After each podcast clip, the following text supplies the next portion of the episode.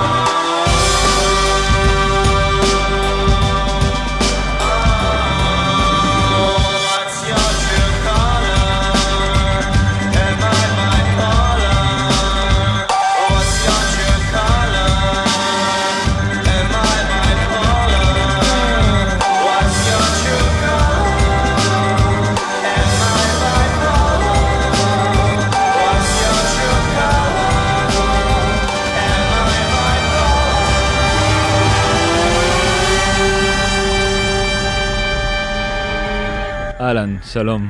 אתם על תוכנית המוזיקה של גל"צ, ואלו השעתיים הראשונות ל-2022. אני אייל כהן. הוא חלק מה-DNA של האומנות בחיפה, אמן ומפיק שמשתף פעולה עם אמנים ואמניות רבים וחוצה את גבולות המוזיקה, מפסקולים לייב לסרטים, ליצירה משותפת עם תזמורות, עבודות וידאו, וכמובן, חלק מהלייבל החיפאי Ghostown. שלום שוזין, מה אהלן שלומך? אהלן וערב טוב, צהריים טובים. ערב טוב, אהלן אהלן וערב טוב, כיף שאתה פה. כיף לי להיות.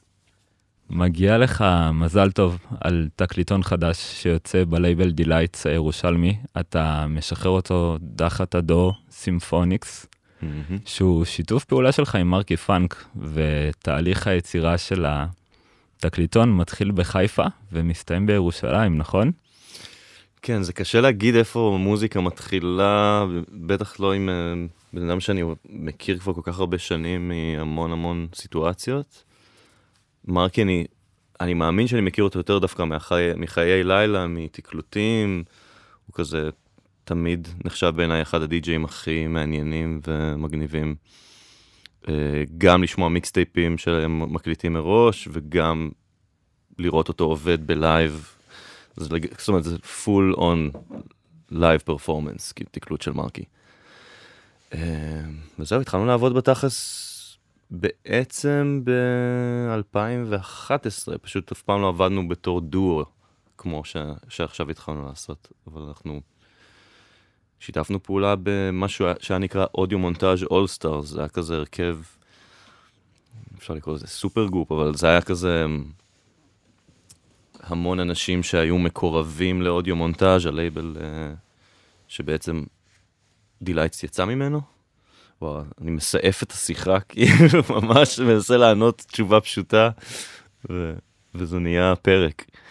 אבל story short, um, הכרנו שם, זאת אומרת, התחלנו לעבוד שם ביחד, ב Audio Montage Allstars.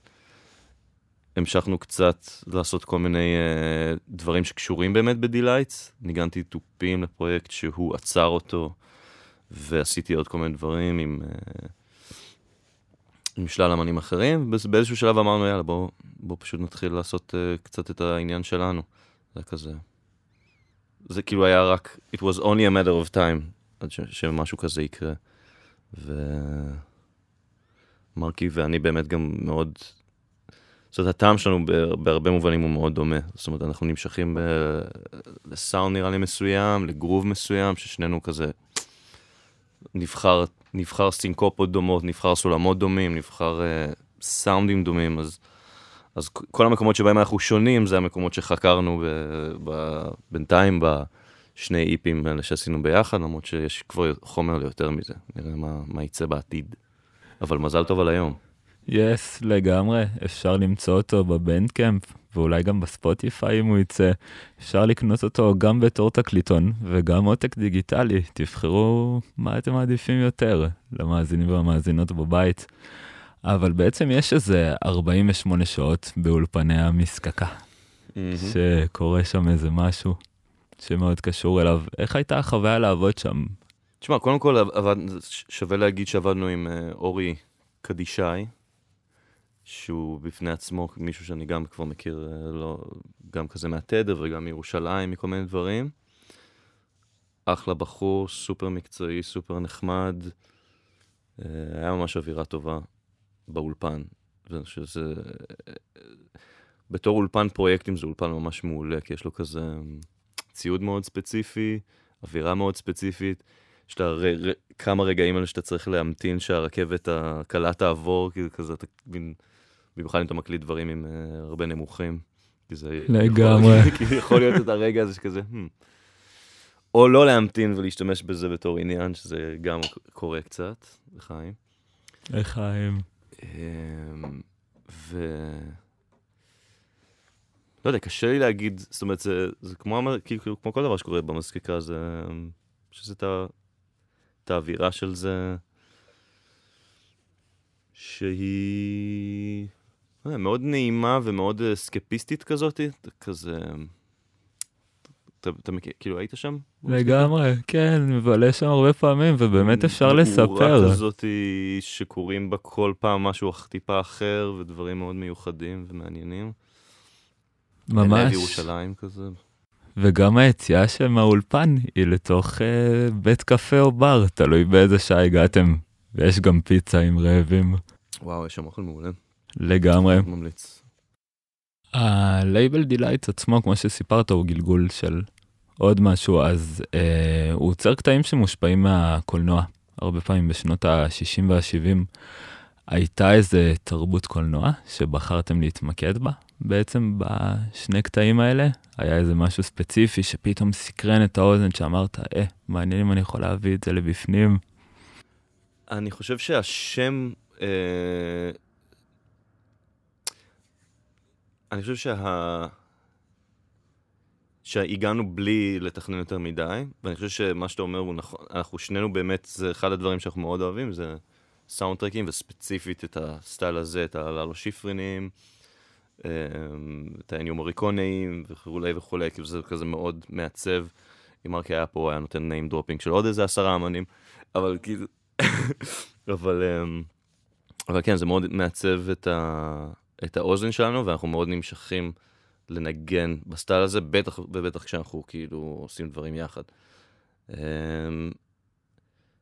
מרגיש לי כזה ש... זה לא היה במכוון, זה פשוט קורה. זה משהו ש... שהוא פשוט קורה. המוזיקה הולכת לשם, ואז אנחנו מנסים לחשוב איך לקרוא לקטע, וזה קטע אינסטרומנטלי, אז גם אין בו מילים, אז אתה צריך להמציא משהו שהוא גורם לך, שאתה מדמיין כשאתה שומע את הקטע, וברגע שאתה מדמיין משהו כשאתה שומע את הקטע, אוטומטית יש בזה אלמנט קולנועי.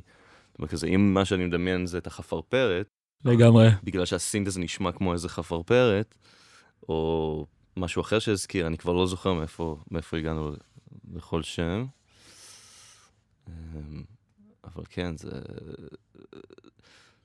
אתה יודע, זה כזה קצת ביצה ותרנגולת.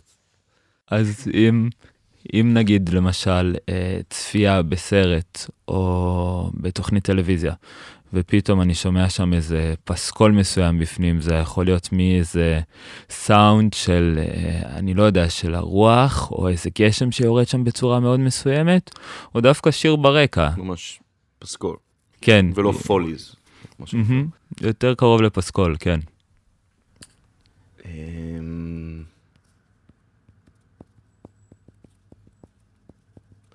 אני לא חושב שאי פעם הסתכלתי על זה בצורה כזאת, יכול להיות שזה משהו שהוא... אה, hmm. לא יודע, קש, כאילו קשה לי לענות על זה, כי זאת אומרת, כי אף פעם לא הסתכלתי על זה בצורה כזאת. אני לגמרי מושפע מסרטים שיש בהם, שהמוזיקה היא אלמנט משמעותי בהם, או שהסאונד הוא אלמנט משמעותי, אני גם מאוד מעריך דבר כזה. אני חושב ש... לא יודע, הרדטרים, ראיתם את הסרט, מין סרט אימה די מגניב, שיצא נראה לי ב-2018 או משהו כזה, ויש בו ממש עבודת סאונד מדהימה. זה אותו במאי שעשה אחרי זה את מידסומר, uh, שזה, שזה סרט נראה קצת יותר מוכר, אבל בהרדיטר יש מין עבודת סאונד סופר מצמררת ומדויקת, גם מוזיקלית וגם של אפקטים. ולגמרי, אני לגמרי זוכר את עצמי, רואה את זה ואומר לעצמי, וואו, נראה לי שבא לי לעשות פסקול, נראה לי שבא לי להתעסק בעולם הזה גם.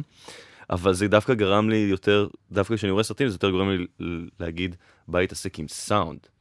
בא לי לעשות משהו שהוא דווקא הם, לא בהכרח מוזיקלי. רגעים פשוט שיש בהם איזושהי אה, תמה לא הרמונית, תמה של סאונד, תמה של אפקטים. זה כיף. סאונד זה יותר מדבר אחד. נכון, וזה שובר גם אולי כל מיני מוסכמות שיש לנו בראש לגבי מוזיקה, שלא הכל חייב להישמע כמו שהוא, שיר לא חייב להישמע כמו שיר, אם אני יכול להביא אליו אלמנטים חדשים שאני מביא מתוך איזה עולם פנימי, שהוא דווקא בפנים. כן, זה, תשמע, זה מהות ההפקה בתכלס. כאילו,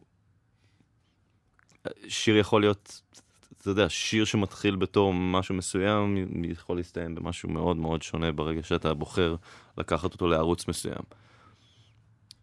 ליטרלי. כאילו, לקחת אותו לדרך מסוימת, או לקחת אותו לסוג מסוים של אה, עולם דימויים מוזיקליים, או, או, או אודי, אודי, אודיאלים? אודי... אודיו?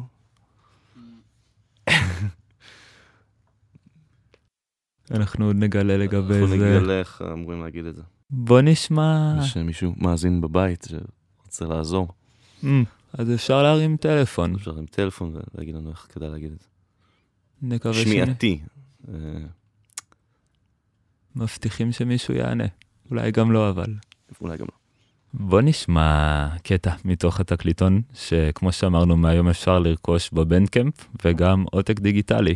כדאי לכם.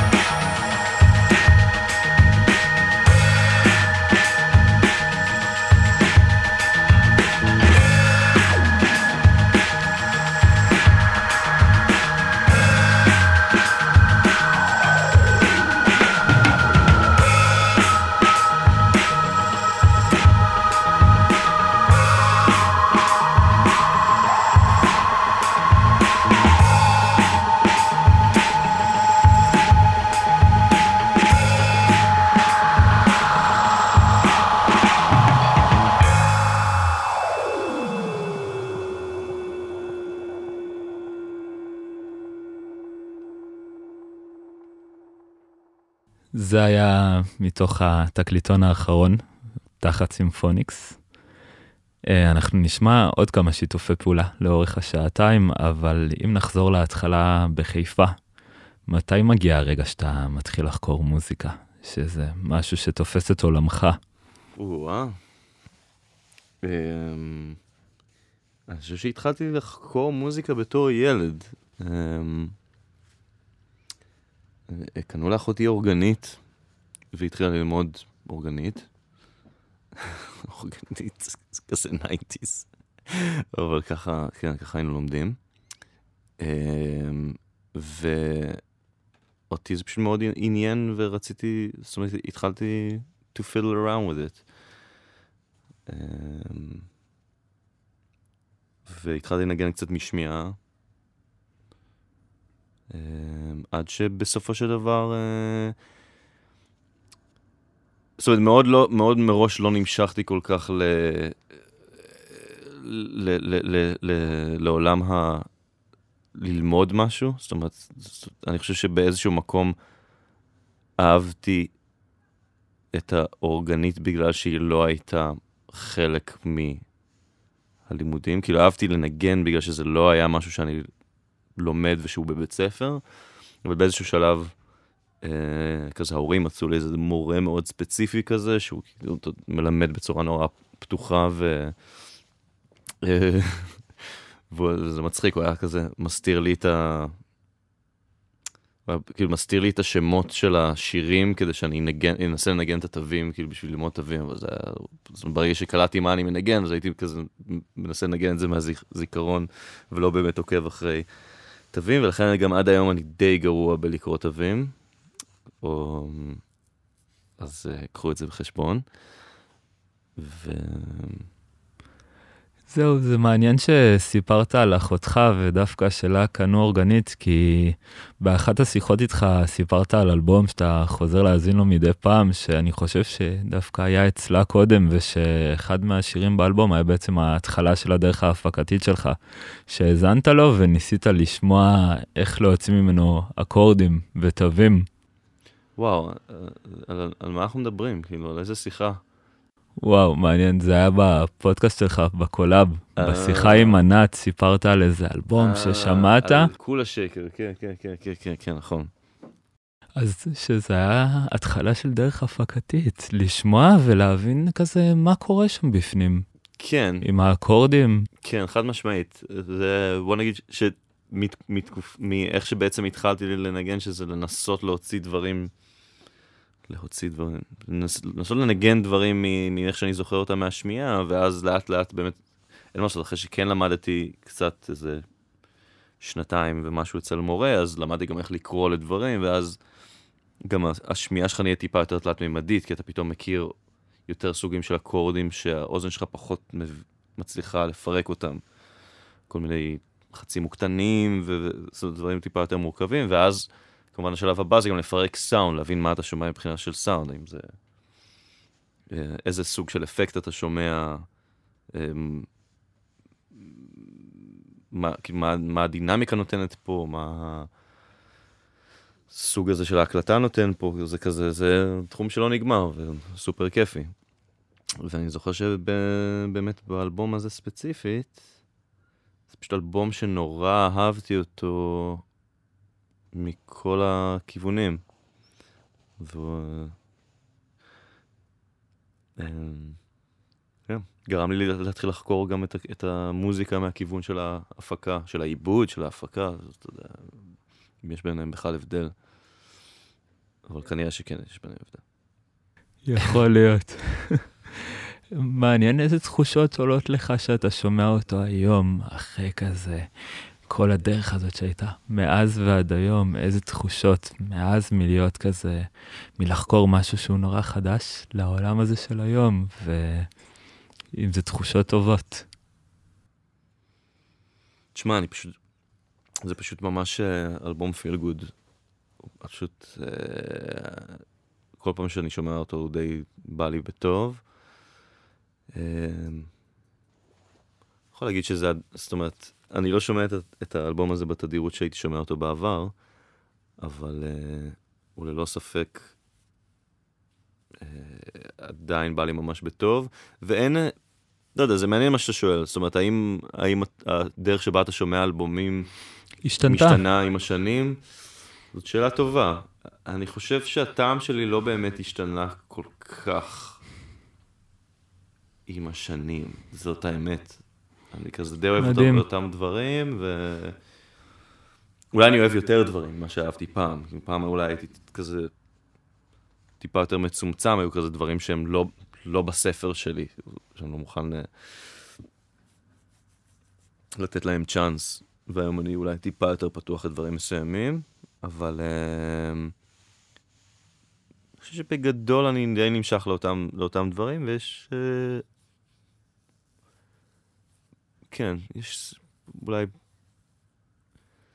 פשוט נוטה להקשיב לדברים מסוימים יותר, אבל זה לא אומר שאני, שאני לא אוהב ז'אנר כזה או אחר, או, או אנרגיה כזאת או אחרת, פשוט כזה יוצא לי פחות אה, להקשיב.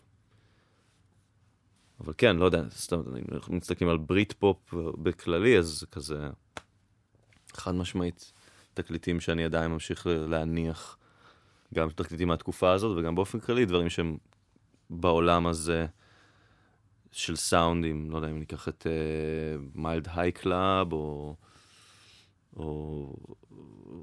King Gizzard או... זאת אומרת, לא, אני מתייחס לזה כאילו בתור הדבר הכי קרוב בשבילי לגדול על Blur ו Suede. ו...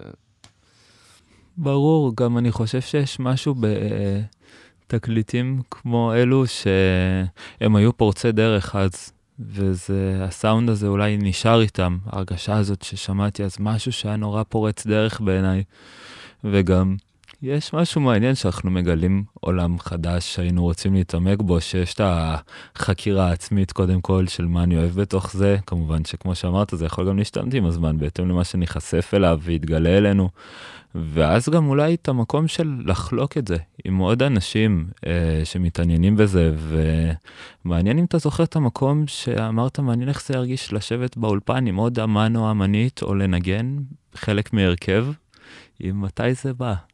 או שזה מההתחלה היה כזה מאוד ברור, שאני רוצה להיות גם במקום הזה של לחלוק את זה עם עוד אנשים.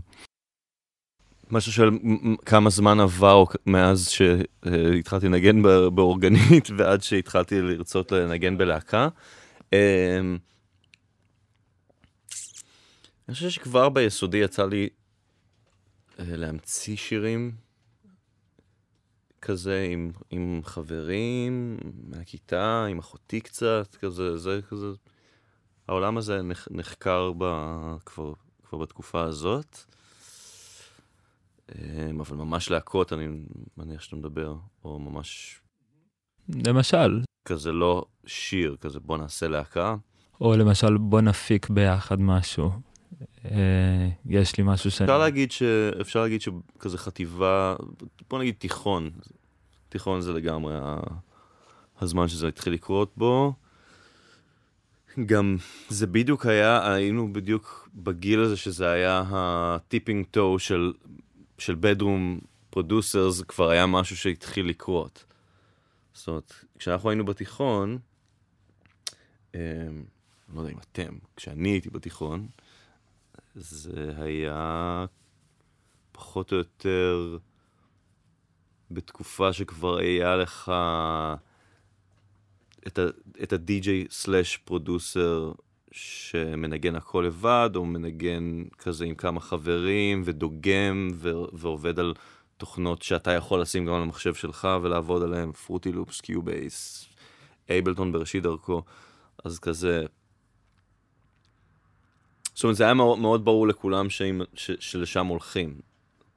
בוא נגיד, חמש שנים אחורה היה לך אנשים שהקליטו על four-track ים ועל כל מיני multi-track ים מצחיקים כאלה, דיגיטליים בלי מסך, וזה כזה כמעט כבר לא קיים היום בפורמט. זה... הייתה איזושהי הבנה שאפשר לעשות דברים uh, בבית, ו... ו- ו- ולהשתמש במחשב או בכל דרך אחרת בשביל לגרום לדברים האלה לקרות. אז כן, אני חושב שבתיכון זאת התשובה הקצרה לשאלה שלך. ו... אני חושב שגם שם היה בעצם כל האסנס של ה... של להבין... ש... כי אני זוכר שיצאו דברים שהיו נשמעים, אפילו אז, בזמנו, זה היה נשמע לי, וואו, הגענו לסאונד מגניב. גם זה לא היה נשמע כמו הדברים ש... שחשבנו שזה, ש... שאנחנו מכוונים אליהם, זה חד משמעית הגיע לסאונד מגניב. היינו עובדים, בעיקר עבדנו אצל חבר שהוא תכלס עד היום עושה מוזיקה, קסג'קס. אה, יואב לביא המכונה קסג'קס, שעלו עוד כל מיני אה, שמות של פרויקטים, והוא התחיל לעשות מוזיקה, נראה לי פחות או יותר בכיתה ח'. עבד כזה על Impulse Tracker ועל Fruity Loops, והוא, האמת שהוא גם די פתח אותי לכל העולם הזה של הפקה. אמ, והכיר לי גם כזה את, את Warp Records נניח, את ה Aphex Twin ו Squarepusher, אמנים שגם השפיעו עליי הרבה. Um, וכן, אפשר להגיד ששם, שם התחלתי להבין כזה, אה, אתה יכול, קודם כל אתה יכול לאהוב רוק ואלקטרוניקה ו... ו uh, IDM ו, וכל, את כל. אתה יכול לאהוב את כל הספקטרום הזה ולקחת קצת מכל דבר. ואתה יכול לעשות את הדברים האלה בבית שלך, זאת אומרת, אה, עד רמה מסוימת כמובן, אבל המשחק הזה של ה-back and forth, של לעשות את הדברים DIY או לעשות אותם באולפן גדול ומקצועי, השיח הזה כבר התחיל אז, זאת אומרת, אני זוכר אותו בתור ילד כבר כזה, האם לעשות את זה DIY ומגניב וכזה בחבר'ה, או ללכת ולחפש אולפן יותר גדול, או, או מפיק וטכנאי בעלי uh, ניסיון וידע, ולעשות את זה איתם. דיברת על פורט רקס, שזה מחשבה נורא מעניינת, כי אז היו אלבומים שהיו יוצאים ככה, והסאונד הזה שהוא היה קצת מלוכלך אולי, או לא בדיוק כמו אולפן גדול, הוא היה נורא מעניין. כן, והיום טוב, היום יש גם הרבה דוגמאות טובות לאנשים שכזה, היה להם כזה בדרום סשן, שיצא אחרי זה, אולי אחרי זה זה עובר אולפנים גדולים בשביל המיקס או הקלטות מחדש, אבל אז אני חושב שהסאונד הזה היה ממש מאופיין, וגם היום אפשר לשמוע להקות כאלה. ומעניין אם גם חיפה זה פשוט היה מקום טוב לחקור את העולם הזה, כי עד היום יש המון להקות חיפאיות שאתה מרגיש סאונד כזה מעניין, וזה כזה באמת הרספקט לחיפה בקטע הזה.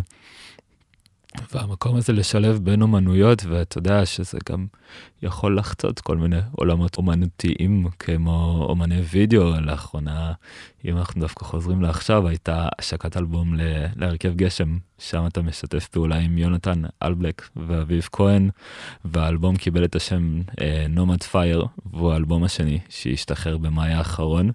לכל אחד מהשירים יצא קליפ שגיא נחום, גיא נחום לוי, כן. גיא נחום לוי. עומד מאחוריהם, יהיה לנו הרבה name dropping היום, אז הנה עוד אחד מהם. בגשם הקליפים מקבלים מקום מיוחד. זה מרגיש ככה, אה, באלבום הראשון זה גם קיים, למשל בשיר טלפון, אה, כל תיאור לקליפ הזה לא יהיה מדויק כמו לצפות בו, אז, אה, ומעביר עוד תחושה מעבר להאזנה. מתי הרגשת שהמקום של ה visual, של הקליפ, דיברנו על זה מקודם בסרטים וסאונדטרקים, אז במוזיקה מקבל אה, מקום גדול יותר ויותר. אה, נראה לי שזה תמיד הולך קצת ביחד, והאמת שזה באמת, דוג, כאילו חיפה זה באמת דוג, מקום ש... אה, בגלל שיש כזאת אווירה DIY, DIY, אוקיי, זאת מילה כנראה. אה, בגלל, בגלל שיש אווירה מאוד של, של לעשות הכל בעצמך, אז זה נראה לי מאוד, זאת אומרת, אם אתה מתעסק בסוג מסוים של אומנות, בוא נגיד, אוקיי, נתחיל מזה שהסצנה היא מאוד קטנה. אז בשביל שסצנה תהיה קיימת, היא צריכה להיות, בוא נגיד, בשביל שסצנה אלטרנטיבית תהיה קיימת, היא צריכה להיות יותר סלחנית כלפי הדברים שהיא שואבת לתוכה. אז מצד אחד יש פחות פיוריזם, כי אה, אין מה לעשות, דברים כזה, הגבולות מטשטשים, כי כל ה alternative הוא קצת ביחד. אז במקום שאתה אתה, אתה יושב בו, שהוא המקום האלטרנטיבי, אז obviously יכול להיות ערב dancehall ויכול להיות ערב פאנק, back to back. Mm-hmm. וזה לגמרי אה, קורה גם במוזיקה, זאת אומרת, יש מין כזה... יש פחות כזה מה, מה הספר אומר, נראה לי, בחיפה. מה צריך להיות, זאת אומרת, מה צריך להיות, מה, מה הז'אנר הזה, וכאילו עד כמה אנחנו יכולים למתוח את הגבולות שלו. אני חושב שיש פחות את ההרגשה הזאתי לגבי פרויקטים, וזה נכון גם לגבי אה, אה, אה, אה, המדיום. זאת אומרת, אם זה, אם זה שיר, ואז, זאת אומרת, אם זה שיר שנהיה קליפ, שנהיה חלק מסרט, שנהיה אה, יצירה כלשהי אה, אה, בגלריה. השילובים האלה הם מאוד... זאת אומרת, יש מקום לשלב את, ה, את, ה, את הסגנונות השונים ואת המדיומים השונים. אני לא יודע אם זה יותר מ... בהכרח יותר מתל אביב, אבל יש איזו הרגשה שיש פחות שיפוטיות אולי. כלפי הדברים שאפשר לנסות. זאת אומרת, אם אתה כבר משייך את עצמך בתור אמן שמנסה לעשות משהו, משהו אה, אלטרנטיבי, משהו של השוליים, אז הסיכוי שתרצה לגעת ביותר מ...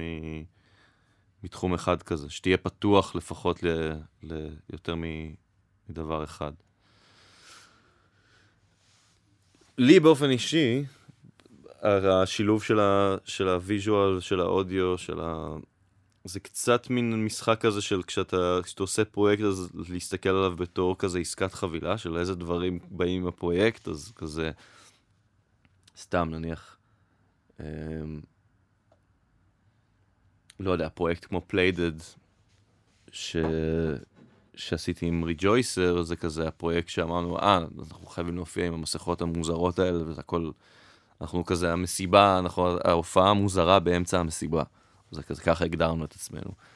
ואתה יוצר מתוך המקום הזה, ואתה, ואתה כותב בכוונה בהמון שגיאות כתיב את הפוסטים שלך, אתה כאילו, אתה, אתה מסתכל על זה בתור משהו תלת-ממדי, זה יותר מה, מהשירים שאתה מנגן, יותר מה... זאת אומרת, אתה מבין מה אני אומר?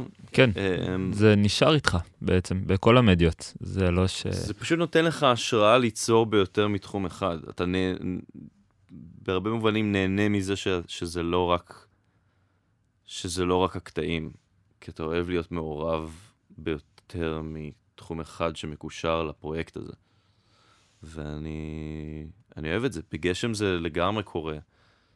אמ, לא יודע, ההופעה האחרונה הייתה בכלל עם... גם עם אה, וי-ג'ייט, דניאל פרסאי, אה, ששיחקה עם כל החומרים האלה של, של, של, אה, של הקליפים של Nomad Fair, ולא יודע, זה היה כזה, לא יודע, זו הייתה הופעה ממש מיוחדת בשבילנו. זה נראה הפעם הראשונה שממש לקחנו את הקטע הוויזואלי לעד הסוף שלו, גם, ב, גם בזמן ההופעה. מקווה שנמשיך את זה. תמיד מעניין כל הדברים האלה שקורים בלייב, איך זה משפיע עליכם כלהקה ואיך זה משפיע עליה תוך כדי ההופעה.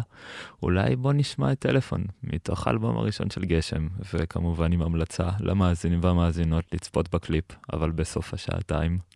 בוא נשמע את זה.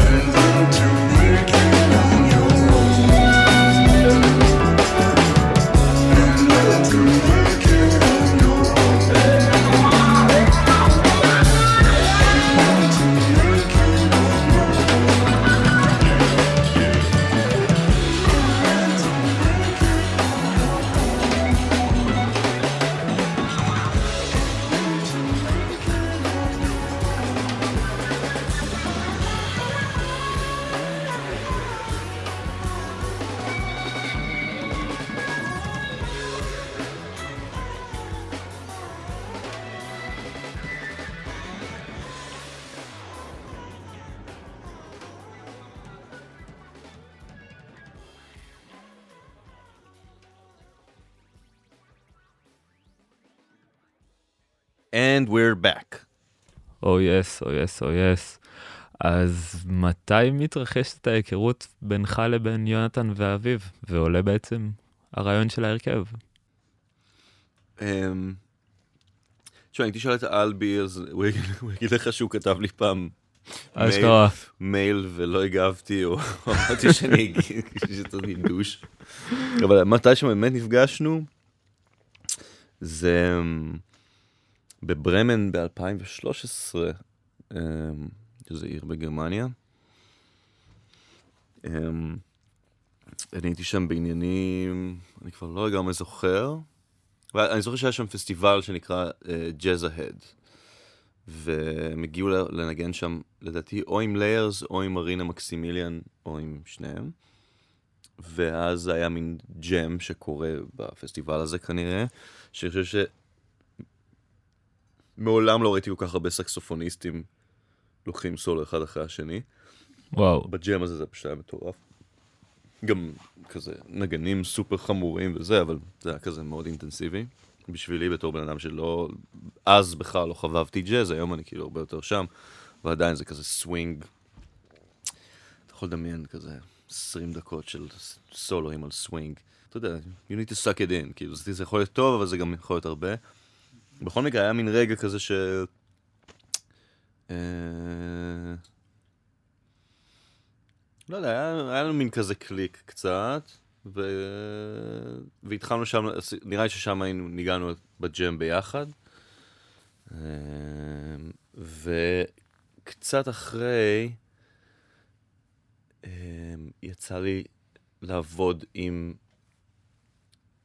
Sol Monk, עם אביב, לאלבום שלו.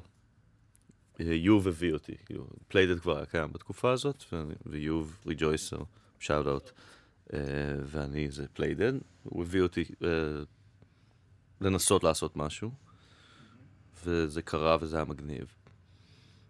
ונראה לי, ונראה לי שגם בתקופה הזאת, uh, בכללי הוא עבד הרבה עם אביו, אז יצא ששמעתי כזה הקלטות, כאילו, זאת אומרת, משהו, משהו שמוזיקאים עושים לפעמים באמצע או סוף סשנים, זה כזה, תשמע את הקטע הזה. והתלהבתי מאוד מהנגינה שלו. אמ, אז כאילו היה כזה, טוב, זה כזה, זה מצחיק, זה כאילו לשאול איך מוזיקאים מכירים, פשוט, אם, אם, אם שני מוזיקאים בארץ איכשהו קשורים באותו דבר, אז הם בסוף יכירו ויש מצב טוב שהם יעבדו יחד. לגמרי. אבל איך קרה גשם, זה... לא יודע, בגדול זה פשוט כזה להקה שהתהוותה... אה, אני רציתי לעבוד איתם הרבה זמן, אה, אבל אף פעם לא חשבתי שספציפית נהיה ממש להקה. ואני חושב שבדיוק אה, כזה ליירס התפרקו באיזשהו שלב, והם רצו להמשיך אבל באיזושהי צורה, והקמנו את אה, גשם. גלגול. זה פשוט איזושהי התגלגלות, גם כשהתחלנו את ההרכב כזה לא ממש ידענו מה זה הולך להיות. אמ, היה בזה כאילו אלמנטים מכמה הרכבים וקאברים, זה היה כזה, מה אנחנו בדיוק מנגנים עכשיו? היה נראה לי שלושה, בהופעה הראשונה היה נראה לי שניים או שלושה שירים של גשם. וזה תמיד היה כזה במקומות סופר מוזרים בתל אביב, כזה פתיחות של גלריות שכזה שרדו בערך אה, יומיים וכזה. אבל, זה, אבל הבנו שמשהו מגניב קורה, שיש כזה. שאנחנו חותרים לאיזה סאונד אה, שהיה לנו מאוד קשה להגדיר אותו, אז זה גם היה כזה קצת מוזר, כי כשאתה עושה משהו שהוא קשה לך להבין מה הרפרנס שלך, היום זה, יש בזה משהו שהוא הוא, הוא, הוא נורא, מ- הוא כזה מאוד מאט אותך. מהמם. מאוד קשה להקשיב היום למוזיקה בלי, בלי לנסות להבין למה זה דומה. מאוד קשה לנסות לשמוע משהו שהוא... שכאילו אין לו שורשים בשום מקום. שזה שטויות, ברור שיש לגשם שורשים, וברור שיש כאילו לכל מוזיקה שורשים באיזשהו מקום מסוים, אבל, אבל מאוד, לך בתור מאזין היום, ב-2022, זה קצת מין must להרגיש שאתה יודע, שאתה מכיר את המחוות שאתה שומע, שאתה מזהה משהו שכבר זיהית בעבר, ו, ובשבילנו גם כל שיר היה נורא שונה אחד מהשני, וגם כזה היה... היה המון דברים שלא לגמרי היינו בטוחים אם הם עובדים או לא. כי הם היו נורא שונים, אבל, אבל גם, זה לא, זאת אומרת, זה לא היה, בוא נגיד, אקספרימנטל או פרוג פר סי. זה היה כזה מין... פשוט all over the place, נראה לי. דיברת על המקום של קאברים בגשם, ונראה לי שזה הוביל אתכם למקום מאוד מאוד מעניין, שחברתם לכמה מופעים עם uh, תזמורת המהפכה והתזמורת הקאמרית. עם כל אחת מהתזמורות זה קורה בעצם סביב עיבודים חדשים, נכון? לשירים שכבר קיימים. חד משמעית, של... Uh, בעיקר, בעיקר עם תזמורת המהפכה בעצם. Uh, ההופעה שעשינו עם, עם הקאמרית בתדר, זה היה פחות או יותר עיבודים שמנסים להיות נאמנים ל... למקור או, לה, או לעיבודים האורכסטרליים של פורטיסד, להקה שגם, ש, שאנחנו מאוד אוהבים בגשם. אצלנו בגשם, פורטיסד, אה, מאוד אוהבים. אה, וההופעה של אה, תזמורת המהפכה, זה היה ממש לקחת סטנדרטים של ג'אז ולפרק אותם ולחבר אותם מחדש. אה, ועשה את זה, את, את, בעצם את העיבודים לשני המופעים בכישרון רב, יונתן אלבלק, אלבי, שאוט אאוט, ש... אני חושב שבתזמורת המהפכה היו גם כמה אה, אה, אה, תזמורים ועיבודים של... אה, אה, של רועי או של... Hmm, צריך לבדוק את זה. אבל רוב, אני די זוכר, אני די זוכר שרוב התזמורים נעשו על ידי אלבי, ו... ומאוד מעניין, ובשבילי זה בכלל היה מעניין, כי... אה, כי זה היה ה introduction הראשון האמיתי שלי לעולם הזה של ג'אז. זאת אומרת, מבחינתי, הרבה מהשירים האלה לא הכרתי, והם סטנדרטים. כאילו, הפעם הראשונה שנחשפתי ל Giant Steps, היה בגרסה של אלבי, שהיא גרסה מאוד מאוד שונה ל Giant Steps. נחשב אחד מהסטנדרטים, נראה לי, הכי... אה, אה, לא יודע, הכי מוכרים או הכי מאתגרים כזה לנגן ג'אז צעיר. ו... היה שם הרבה יראת כבוד, זה גם היה, היה בשבילי לנגן עם אורקסטרה שכולם מנגנים עם מתהווים. אז אתה לא יכול לאלתר יותר מדי, אתה צריך לדעת מה קורה מסביב, אתה לא... אתה לאו דווקא צריך לנגן כל הזמן, אבל כשאתה צריך לנגן, אתה צריך לנגן את זה. לא ליד, לא... לא, לא, לא זה... ו... ובשבילי בתור בן אדם שרגיל לנגן נורא מה, מהזיכרון ומהשמיעה, היה בזה פתאום זאת אומרת, היה לי ממש, זאת אומרת, ממש uh, היה חשוב לי not to fuck it up, כאילו. ויצא שהקשבתי לזה בטירוף, וכל הזמן הוצאתי את זה. הם גם עזרו לי חמודים, הם כתבו את האותיות מעל התווים כדי שאני אדע, כדי שאני אדע איך, איך זה, כי ממש לא רגיל לתווים. Um, זהו, זה מפגיש שני מקומות מעניינים בין הקשיבות למי שמנגן יחד איתך, למקום הזה שמת... שגם חייבים להיות מאוד מחויבים אולי לטיווי מסוים. ומעניין באמת איך זה היה, סיפרת על יונתן שבעצם עשה את העיבודים, אז איזה תהליך זה היה מלשבת באולפן, למשל, ולייצר את הקטעים ואולי לעבוד עם... Uh, תוכנות מחשב למופע ולחזרות. להביא את זה פתאום לשם ולשמוע את זה בלייב, ושזה אולי יהיה קצת שונה ממה שקרה באולפן.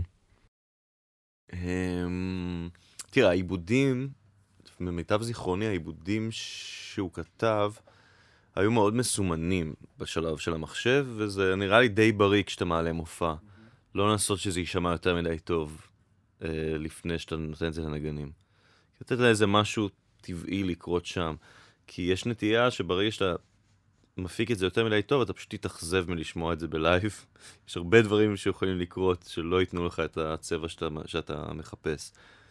אתה משתמש ב-VST של, של BBC Strings או LA כן. Strings, או דברים שנשמעים כאילו וואו, ואז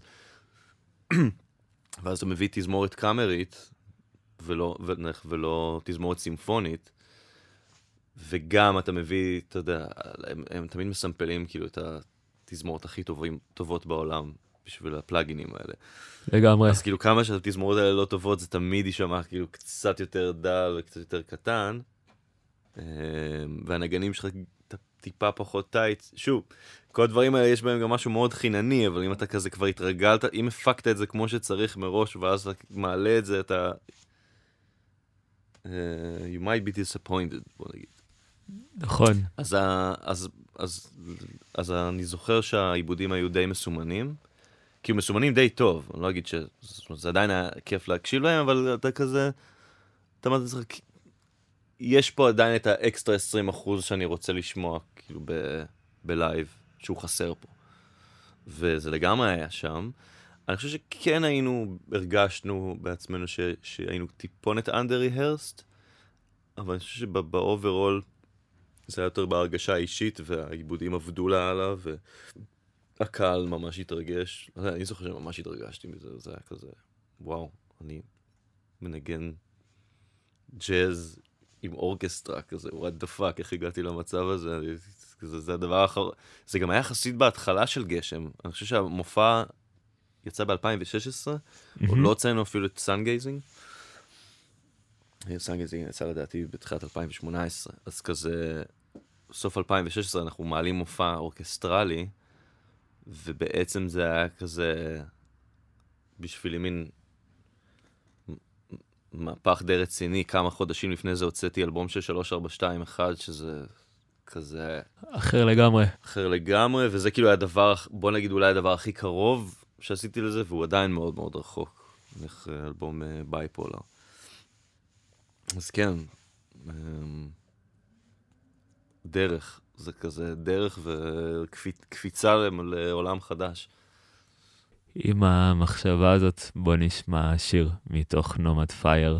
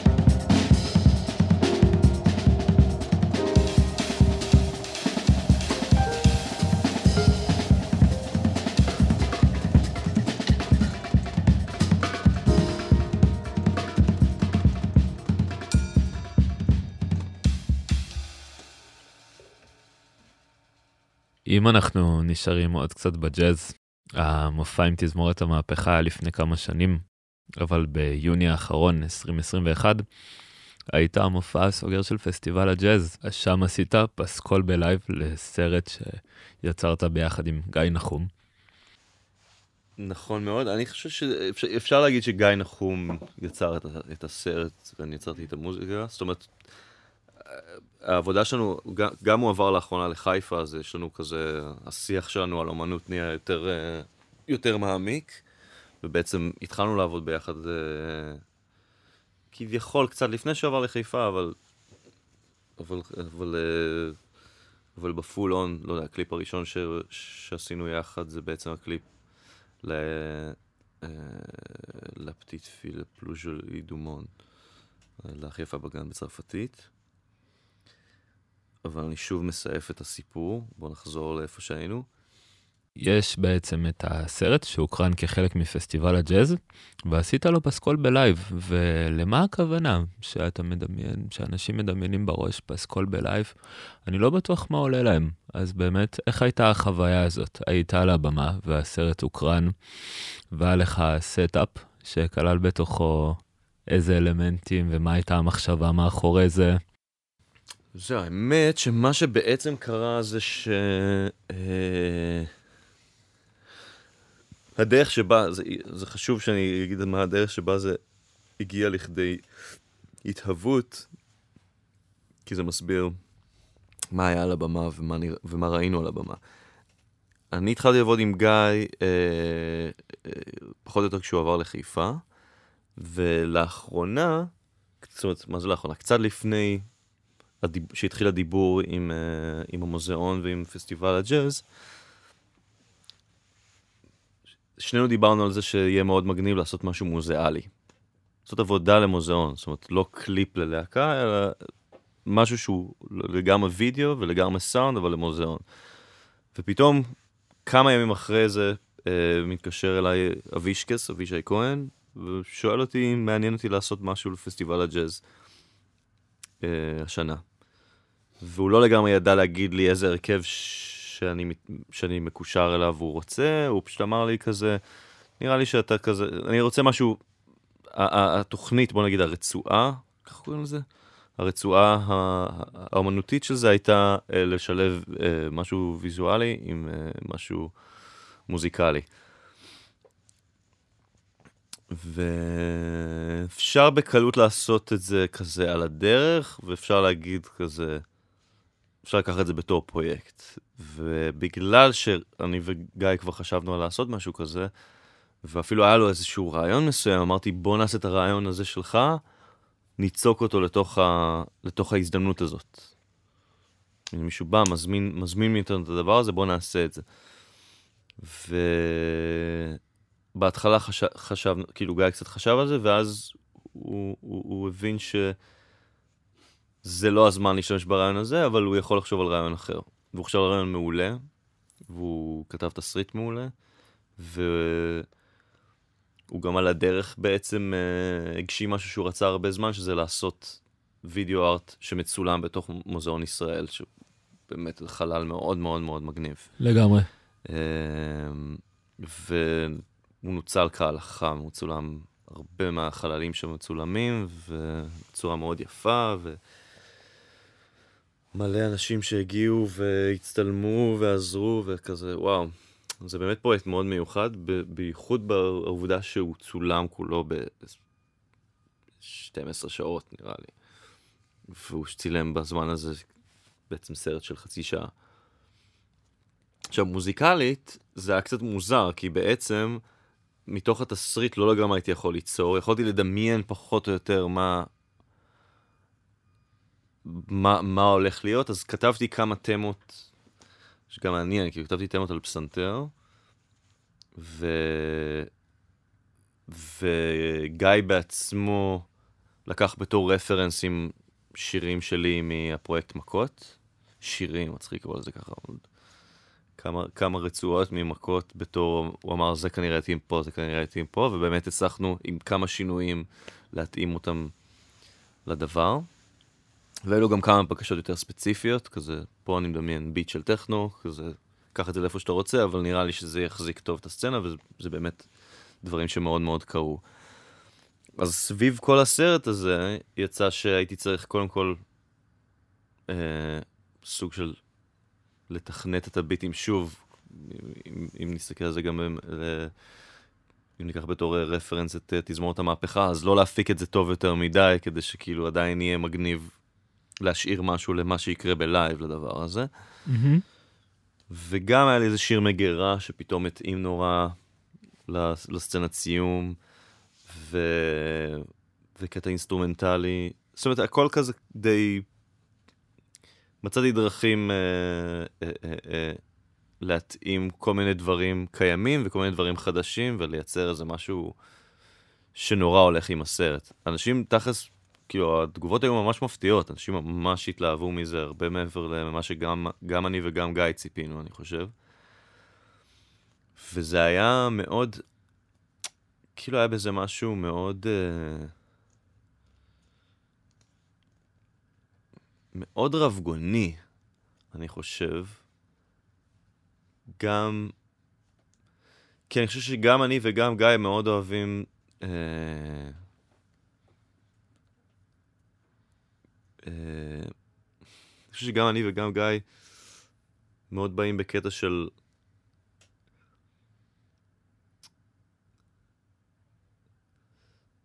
יש, זאת אומרת, יכולה להיות פלטה מאוד, רח, מאוד רחבה של, אה, של אה, צ, צבעים, טעמים, בתוך יצירה אחת. ואם היצירה הזאת היא סרט של 30 דקות, אז אתה יכול לדמיין לעצמך שיש קטע מאוד איטי ו... רך, ואז בתוכו יש, לא יודע, נעימת פסנתר, אתה יודע, רק פסנתר, ואבישי כהן מנגן בחצוצרה, וזה קטע מאוד עצוב וכזה ברוקי, הייתי אומר. והדבר הבא אחריו זה משהו מאוד אינטנסיבי, עם ביט היפ-הופ סופר כבד ומלא באסים, וכזה, כאילו לשים את שני הדברים האלה אחד עם השני, שוב, זה יכול, יכול להשתמע כמו כזה גימיק, כזה מנסים אה, לגעת בכולם, אבל אנחנו באמת אוהבים את כל העולמות האלה מאוד, גם אני וגם גיא, וזה מייצר, אני חושב שזה מייצר משהו שהוא פשוט בסוף, אנשים קולטים שהוא ג'ניוויין, אז הוא לא, הוא לא מנסה להתחבב, כי אנחנו לא מנסים, אנחנו לא מנסים להיות כאלה או כאלה, אנחנו פשוט כזה, מה שמתאים לסצנה, מה שמשרת הכי טוב את הסצנה, ו... אם אתה אוהב הרבה סגנונות, אז אתה יכול, אתה יכול להשתמש בכל הכלים האלה, וזה לא ירגיש אה, כפוי. זה ירגיש זורם. אני חושב שזה משהו שהוא... כאילו זה טוב שיש לך אותו, אבל אתה גם לא יכול, אתה לא, אתה לא יכול לעשות אותו בצורה... כי אתה לא יכול לגרום לעצמך בכוח להיות פתוח למשהו שאתה לא. כזה, אם אתה פתוח לדברים מסוימים, אז זה טוב להשתמש ב, במרחב הזה, אני חושב. גם המקום הזה של בעצם פסקול live, של משהו שהוא חד פעמי במהות שלו, שהוא יכול להיות מאוד חד פעמי, כי זה בעצם live, אה, וזה מאוד מעניין, ואולי בפעם הבאה זה יישמע קצת אחרת, ובדיוק השיר הזה ייכנס קצת לפני או קצת אחרי הסצנה, ונראה לי שזה מרגש נורא אה, במחשבה הזאת של בכלל להיות צופה ומאזין וואו, האמת שזה, אתה נכנס פה לעניינים הטכניים עכשיו, זה היה מעניין, היו דברים מסוימים שהם, זאת אומרת, בוא נגיד יצאתי מה... ה, ממה שאני לרוב, זאת אומרת, כן היה שימוש קל במחשוב בתוך הדבר הזה, לא הרבה, אבל אני חושב שרגע מסוים שיש קיק שאני מפעיל אותו ברגע מסוים, ואז הוא נהיה ב-BPM מסוים. אז ברגע כן. שהוא נהיה ב-BPM מסוים, אז הוא כבר מותאם לתמונה, ואנחנו יודעים מתי כי אנחנו יודעים לפי התמונה מתי פחות או יותר הוא הולך להסתיים, ואז ברגע שאנחנו יודעים מתי הוא הולך להסתיים, אה, אין בעיה שהקאטים יהיו נורא טייט, כאילו, שהקאט יהיה בדיוק עם התמונה. וגם היה לנו כל מיני דברים בתמונה שאני והנגנים מסתכלים ורואים. הנגנים, אגב, מי שהצטרף אליי, זה ההרכב שלי שמעלה ב live את מכות, שזה אני עם, אה, בעצם עם שני מתופפים מאוד מוכשרים. עם עופר ביימל ויונדב הלוי. yes. אה, עופר ביימל מנגן באיזה מיליון הרכבים. to name a few, to name a few um, uh, water knives, שפק, אוסטרטון ועוד ועוד. יונדב הלוי הוא בעיקר מוכר מהפרויקט האלמותי התפוחים, וגם נגן עם נועם ענבר ועם עם, אה, ענת מושקובסקי ביחד איתי בחלק מהפעמים. וכן, והם שניהם מאוד שונים אחד מהשני, ושניהם הביאו בראש גם בפרויקט הזה שהוא לא היה מכות קלאסי, כי היה הרבה רגעים שהביאו אנרגיה אחרת לגמרי. אמ, מה באתי להגיד על הנגנים? אה, שאני והנגנים היינו צריכים בעצם להגיב גם לסרט, והיינו צריכים למצוא כל מיני אה, הוקים ויזואליים בשביל להבין מתי אנחנו צריכים לעשות דברים מסוימים כזה. אה, כשה... כשהדבר הזה נכנס לפריים, אנחנו יודעים שעוד רגע הולכת להתחלף הסצנה, צריך להתכונן ולהחליף סאונד מהר, או דברים כאלה, או, או להגיע למיוט. אמ, נוכחות ברגע. כן. ממש ככה. אמ, לגמרי. זאת התוכנית הראשונה ל-2022 למאזינים והמאזינות שמצטרפים עכשיו. שוזין, פה באולפן. אהלן. מה, נתחיל מההתחלה? לא. מי שהצטרף עכשיו, השנה היא 2022. יס. אה, לא 2021, זו הייתה התוכנית הקודמת, מהמם. ושלא כזה לא להתקבל. הלכתם באמצע התוכנית הקודמת וחזרתם לתוכנית הזאת, זה יהיה מוזר. אתה יודע, מעבר להופעות ה live והסטודיו, אתה גם מתקלט מפעם לפעם. אה, זה אומנם, אה, אתה יודע, כל פעם שזה קורה, אני חושב שיש בזה משהו מאוד מרגש, אה, זה עוד איזה צד להכיר בך. ובאמת, איזה מקום זה תופס אצלך? זה יותר כמו, בואו תכירו מוזיקה שמשפיעה עליי, או מסקרנת אותי מעבר להופעות המקוריות שלי בהופעות, או דווקא דברים שבאו מהעבר, שבעצם מלווים אותך לאורך כל השנים.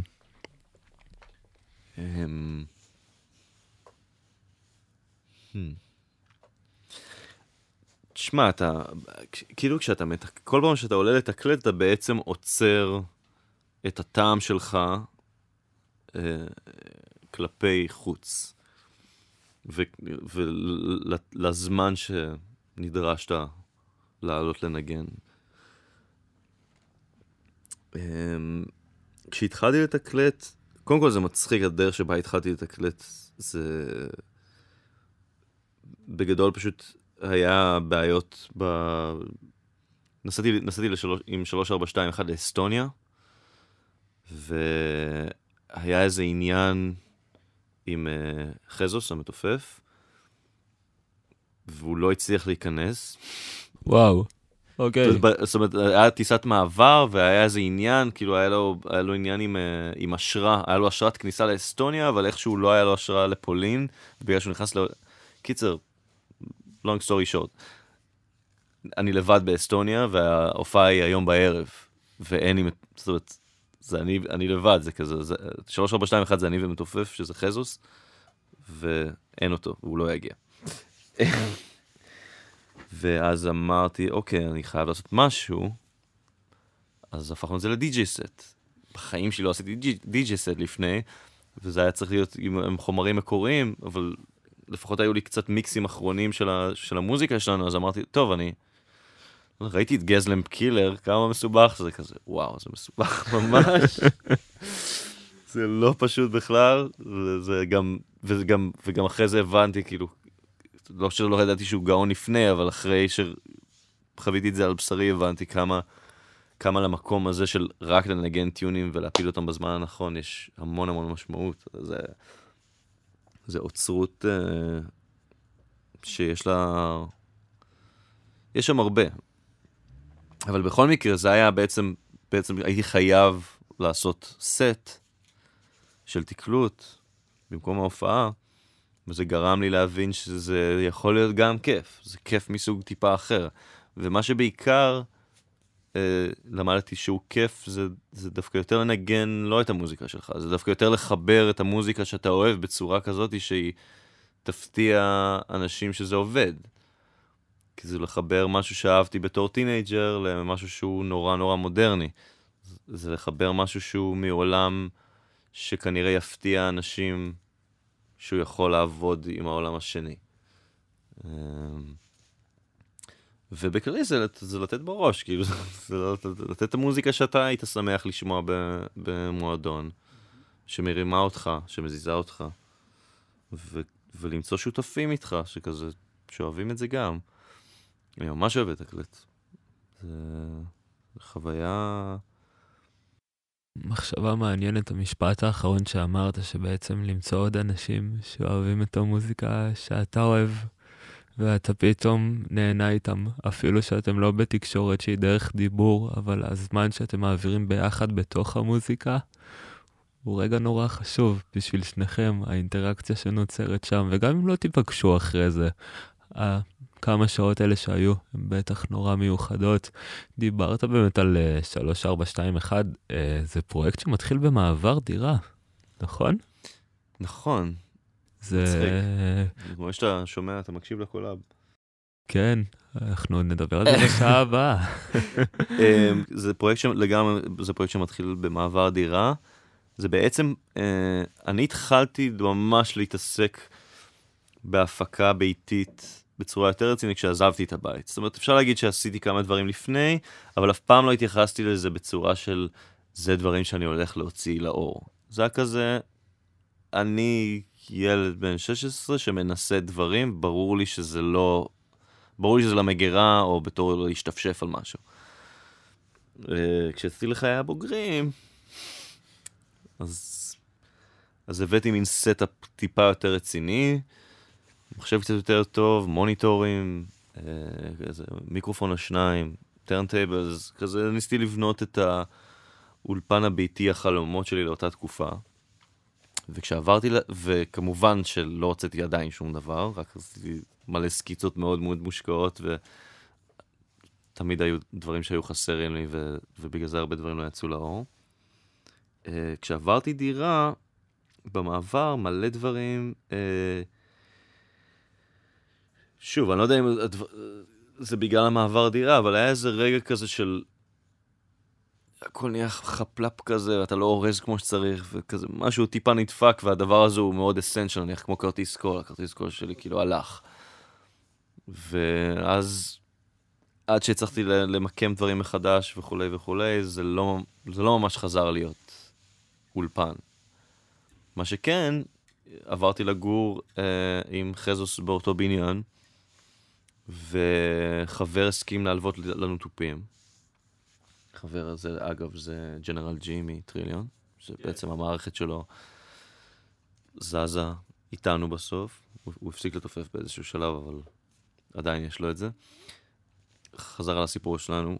אמ, שנינו בעצם חברים שאוהבים לנגן, והתחלנו לעשות את הדבר הזה, שזה לנגן את המוזיקה שאנחנו אוהבים לשמוע במסיבות, בלייב, סוג של.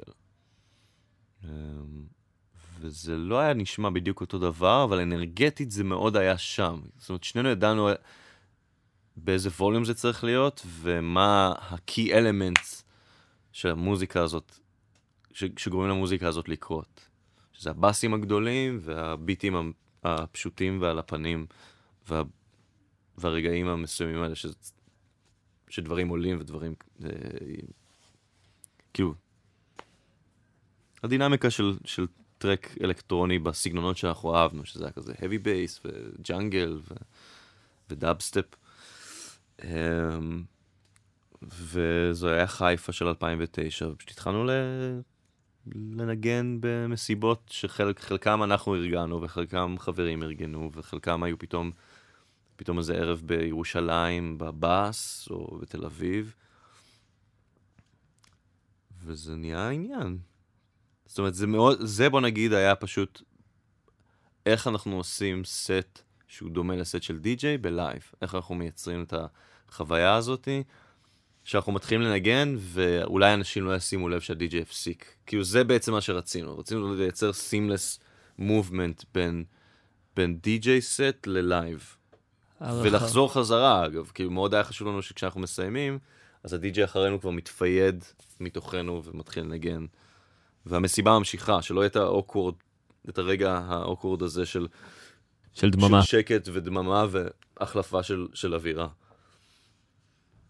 רחבה שלא עוצרת, שתמיד ממשיכה בתנועה, גם לפני וגם אחרי. יהיה מעניין להחזיר אותך לרגע אבוד קצת בזמן, שאולי נאבד, שבעצם אה, אז סיפרת שאתה עוד לא שחררת מוזיקה, אבל יש משהו שדוחף אותך לעשות את זה. וזה רגע קצת אה, שיכול להיות מבאס שאתה מופיע, והמחשב שלך בצד, עם כל הפרויקטים, והוא נלקח. אה, וואו. כן, זה... זה היה נורא.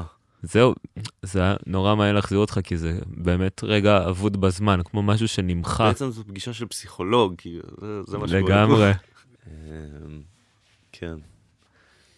נכון, אה, גם 342, אחד רילייטד, אני חושב שבדיוק חזרנו מטור די משמעותי ב-2013, היה לנו כזה טור מדהים, הטור הזה קורה עוד לפני שאתם משחררים מוזיקה בעצם לעולם, זה קורה רק בזכות אה, הופעות, ובעצם הדבר שאתה יכול לשלוח בשביל שיסגרו אותך להופעות גם בחו"ל, זה אולי עוד קטעים מהופעות.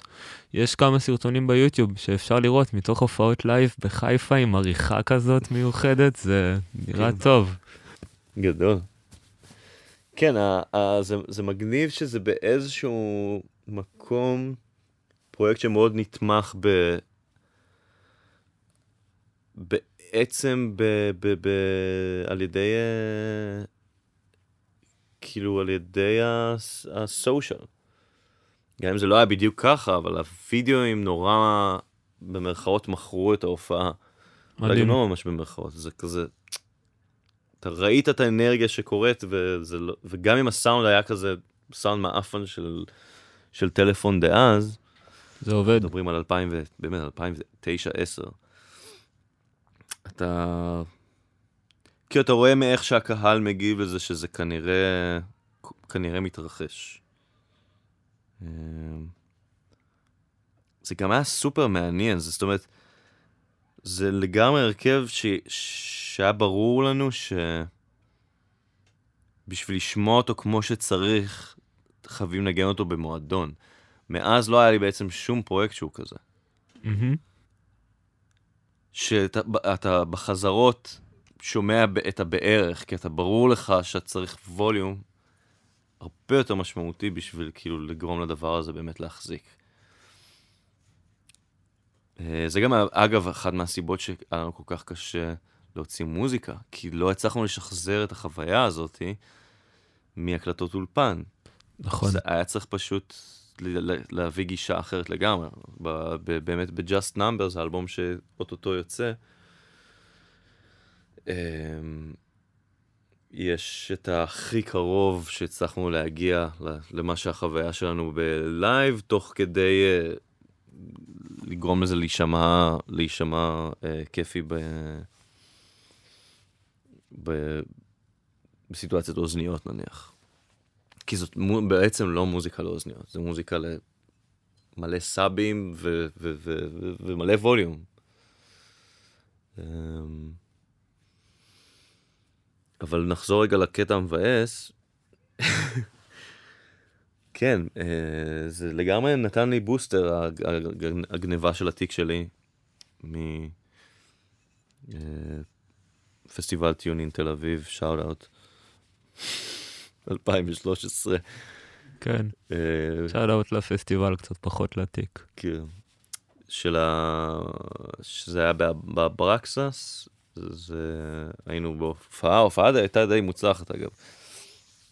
וכן, אה, כן, מחשב לא, עם מלא שיט לא מגובה, נלקח.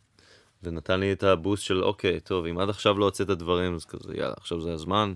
פתחתי SoundCloud, התחלתי כזה לשחרר, כל, כל מה שהיה שאמרתי, טוב, זה, או לשחרר את זה בגרסה הכי אחרונה של זה, או לזרוק את זה לפח, אז כמובן ששחררתי כמה קטעים. ואני לא חושב שה SoundCloud שלי סופר גדל מאז, אבל זה לגמרי נתן לי מין כזה, אוקיי, דברים לא, לא הולכים להיות מושלמים. אם אני אקליט אותם בס- בסטודיו גדול או בסטודיו ביתי, זה כבר לא משנה, כי הנקודה היא להוציא.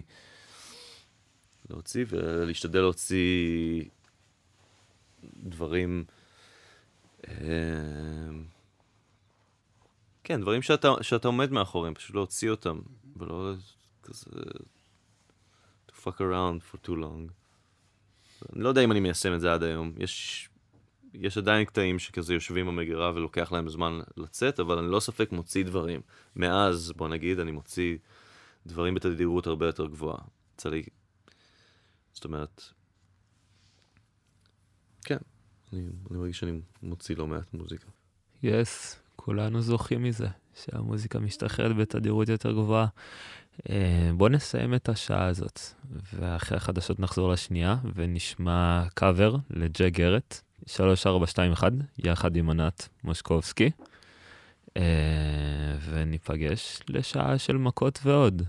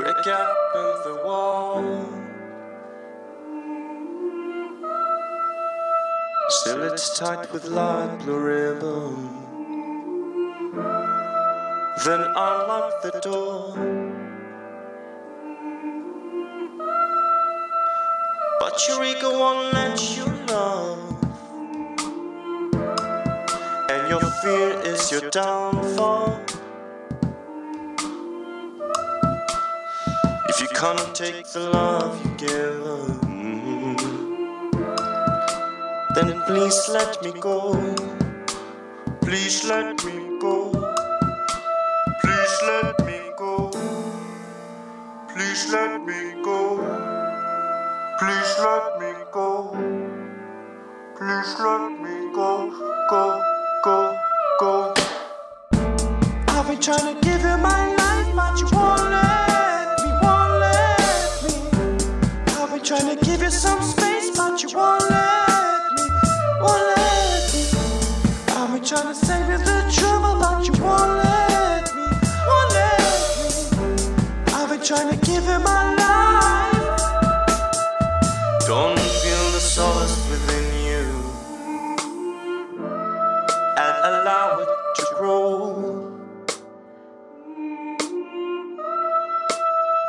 When the leaves to blossom become you,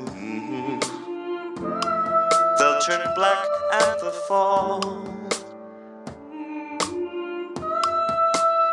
I promise if you're gonna lock me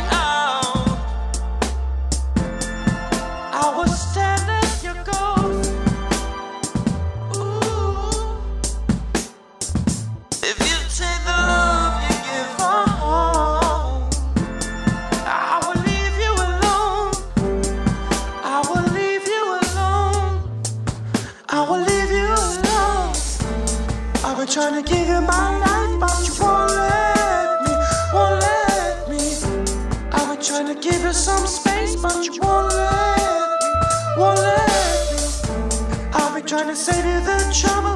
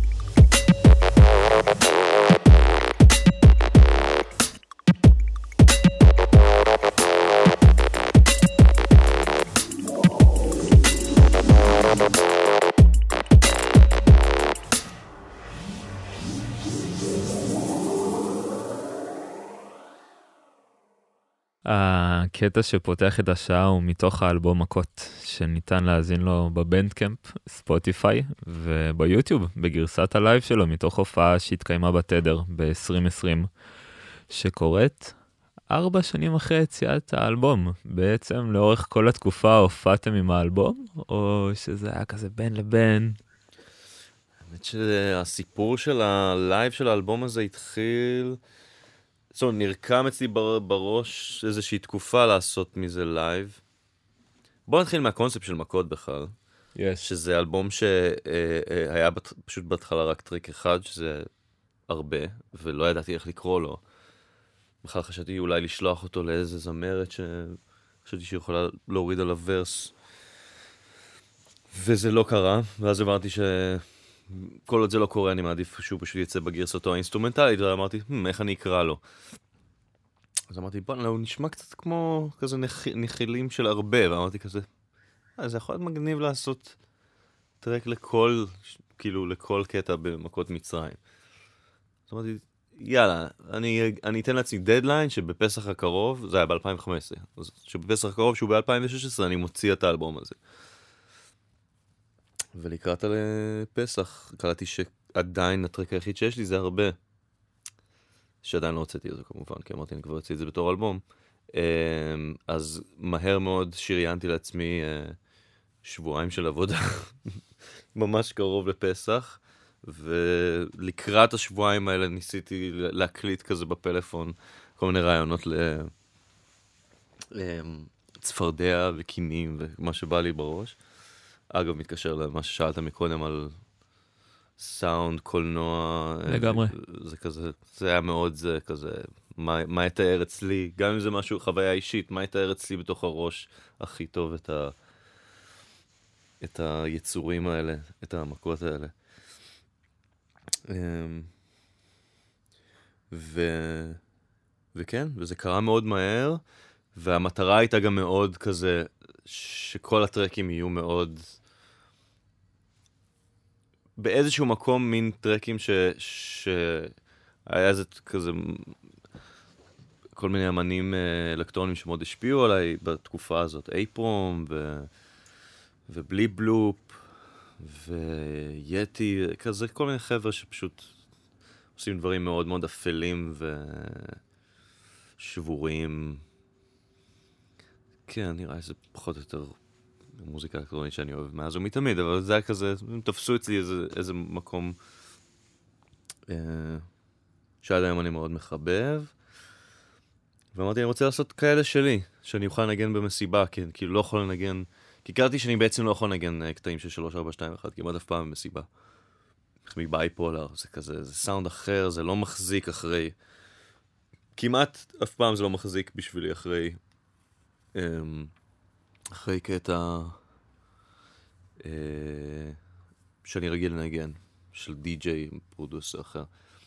ואז פתאום עשיתי את הקטעים האלה והם מחזיקים.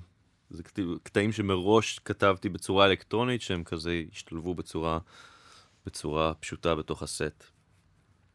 אמ, אז אחרי שסיימתי לעשות את זה, אמרתי כזה שזה כן יהיה מגניב באיזשהו, באיזשהו מקום איזה אדפטציה בלייב. ואסף בן דוד, shout out, רצה שאני אעשה פרויקט מיוחד לאירוע חדש שהוא עשה אז, ב-2019 נראה לי, שקוראים לו שושן, זה היה כאילו האינדי נגב של החורף. של פורים. אה, אז בפורים הזה זה לא קרה, היה כזה... אני חושב שזה לא היה קורונה אפילו, זה היה תחילת 2019, זה היה פשוט... איכשהו זה לא קרה מסיבה זו או אחרת, אבל כבר התחלתי לעבוד על ההופעה. כבר לקחתי את אה, יונדב ואת עופר והכנסתי אותם לחדר החזרות והתחלנו ללמוד ולחלק בינינו את התפקידים באיזושהי צורה שתעבוד. בהתחלה זה היה כזה מאוד מתיש ואיזה דברים חשוב שהם יהיו בדיוק כמו, ה... כמו. כמו האלקטרוניקה ואיזה דברים אפשר דווקא לפתוח את זה ולייצר משהו חדש שבלייב יעשה משהו יותר מגניב. וכן, אז עשינו הופעה ראשונה בחיפה בערב שנקרא Trust, זה ערבים של גוסטאון ש... הייתי מריץ במשך שנה וחצי כזה, בעיקר בקבריט, מועדון חיפאי, אה, מאוד מגניב. אה, וההופעה הראשונה הייתה מיוחדת, אבל לא עד הסוף שם. וההופעה השנייה הייתה רק איזה שנה אחר כך, נראה לי, הופעת סילבסטר בתדר. וההופעה השלישית הייתה עכשיו, באינדי נגב. זה כאילו פרויקט ש... ש... שזז דרך אופורטוניזם, כאילו. זה מעניין המקום הזה, אתה יודע, של... אה, סיפרת שמההתחלה זה האלבום שמכוון לאלקטרוני, ועל המקום של להפוך אותו בעצם למופע לייב של אפשר לבחור להישאר בסינתסייזרים ופדים, ואפשר גם לשלב בין העולמות, כמו להביא מערכת תופים או גיטרה או כלים אקוסטיים אחרים, זה משהו שאתה פוגש הרבה. שאתה אומר, אוקיי, איך אני הופך את זה עכשיו ללייב, ואז מתחילה ההתלבטות הזאת, אם להישאר באלקטרוני או דווקא להעביר את זה לאקוסטי. וואו, זו שאלה מעולה.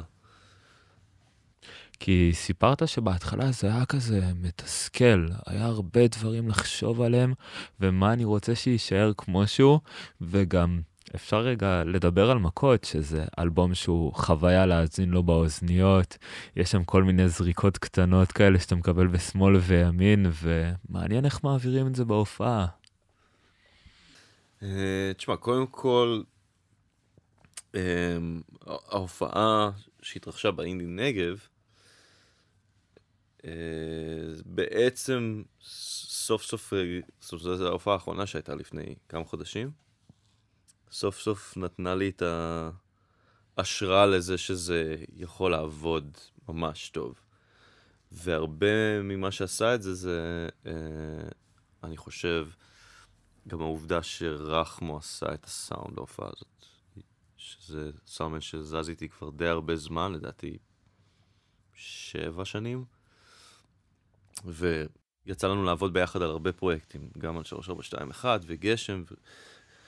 אמ, כאילו, נראה לי שהוא מכיר אותי, ודרך דרך, דרך הרפלקשן שלו אני מכיר יותר את מה שכדאי ו, ונכון לעשות בלייב. ואני חושב שזה זיקק שם איזה משהו מאוד מדויק בהופעה הזאת. ואם אתה שואל לגבי הקטע של האקוסטי מול אלקטרוני, אז אמ, זה פחות האקוסטי מול, אלק... מול אלקטרוני ויותר ה... למה אתה משווה את זה. כי ברגע שאתה, ברגע שאתה עושה משהו... כי אתה מבין, זה בדיוק כמו 3421, שזה בדיוק הדבר ההפוך. בהופעות זה היה מעולה והיה קשה להביא את זה לסטודיו. במכות, בסטודיו זה כאילו סופר קרה ומדויק לחלוטין, ואז פתאום להעביר את זה ללייב זה כזה, זה הרפרנס שלך. כאילו, איך זה שזה נשמע בסטודיו, ואתה גם יודע שזה עובד אה, גרסת הסטודיו עובדת ברמקולים, כי אני יודע שכשאני מתקלט את זה, אז הקטעים עובדים. אז נשאר הבין לבין, שזה להבין מה התפקיד של הלייב, חוץ מזה שאתה רואה אנשים מזיזים כלים, שזה א', כמו במה שקורה ב-3421, שהטיים הוא קצת נזיל, שאין קליק, כאילו, ש, שזה קליק, זאת אומרת, אין מטרונום ש... קובע לנו את ה-BPM של השירים. אז אנחנו מנגנים איך שאנחנו מרגישים באותו רגע שה-BPM של השיר צריך להיות. ובצד השני זה גם... אה, זה גם כן להביא את ה... את ה defense של... אה, של ה... לא יודע אם זה defense או זה כאילו ה tightness, זה להביא את ה tightness של הפקת אולפן בלייב, כשצריך שזה יהיה זה, ולהביא, ומצד שני להביא את הפלואידיות של הלייב ברגעים הנכונים גם. זה נראה לי מה שאני הכי אוהב. ב- ב- ב- שהתחושות האלה מקבלות הרמוניה מסוימת ומתחילות לתקשר ביחד. שקטע שאתה יודע איך הוא אמור להישמע וכבר כאילו עשית לו מין גרסה מהודקת, מקבל את ה... קוראים לזה? אה, מקבל את האלמנט הרנדומלי שלו, את, ה... את האלמנט הלא צפוי, והמאוד כאן ועכשווי, כל מה שזה אומר. זאת אומרת, באיזה, באיזה פיל אתה נמצא כרגע, באיזה, מה הקהל נותן לך. כי אין מה לעשות, באינדי נגב זה גם הרבה היה הקהל. שיש שם כאילו, השנה היה קהל מטורף באינדי נגב, אני לא יודע, כזה, אם יצא לך...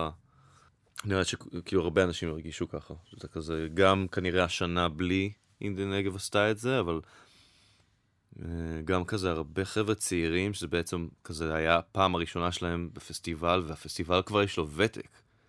הוא כבר קיים הרבה זמן, אז הוא, אז הוא מתוקתק. הרבה דברים שהם עובדים כזה כמו פסטיבל, כאילו במובנים מסוימים אני מניח כזה כמו שאנשים רגילים לראות פסטיבלים בחו"ל, שכזה, כאילו במות קורות, החילופים עובדים, אנשים מוכנים לדברים, כזה, כזה לא, זה לא כזה, זה, זה עובד. אמ, אז כן, אז אנשים היו פול בעניין, והם נתנו מלא אנרגיה, זה כזה היה... זה היה אפילו overwhelming, כאילו, בוא נגיד ש... ש... כאילו ציפיתי ש... ש... שמכות יכול להגיע לרמה כזאת, אבל לא חשבתי שזה יגיע כל כך מהר, לא חשבתי שזה יקרה בהופעה השלישית. וגם הרבה מה... מהקטע שזה, שזה היה באינדי נגב, עם המערכת סאונד של האינדי נגב, ועם רחמו שטיפל בו כמו שצריך, וגם כאילו הקהל, שגם היה לנו תאורן ממש מגניב. יס. Yes. שגם עשה עבודה מדהימה, אחרי זה ראיתי בווידאו, זה כזה... Mm, שמר על זה מאוד נמוך ואפל לכל האורך, נתן לזה פיל מאוד ספציפי. אבל מעניין לי איפה זה עוד יכול ללכת, כי בהרבה מובנים... אמ, כאילו, מכות ושלוש, ארבע, שתיים, אחד זה הרכבים הכי דומים, בוא נגיד, במה שאני עושה, אבל זה גם... אני כן רואה אותם בתור משהו שונה. מכות זה כאילו מאוד קונספטואלי, ובשלוש, ארבע, שתיים, אחד יש משהו מאוד חופשי, ובמיוחד בגלל הסיבה שזה בעצם נוצר מלייב, תמיד. זאת אומרת, מאז ומתמיד זה מוזיקה שהתחילה בתור משהו חי. ודווקא מכות לפעמים הוא יכול להיות יותר אה, מדויק, כמו שאמרת, בגלל שהוא בעצם בא מאלבום, ויש פה גם את המקום של הקהל, של איך הקהל מגיב, וזה שה... שהקהל יכול להעביר לך את התחושות, ואתה יכול להגיב בהתאם, כי, כי אתה עושה את זה עכשיו בלייב. אני חושב שזה בכל הופעה. לגמרי. נכון, אבל גם להביא בעצם אלבום לתוך זה, אלבום שהתחיל mm. דווקא שם באולפן, ואז אני יכול להביא אותו ללייב, והתחושה שלי תהיה בהתאם למה שקורה מולי. בטח מרגש. בואו נשמע עוד קטע מתוך האלבום, ואחרי זה נחזור לדבר על איזה קרו חיפאי אחד.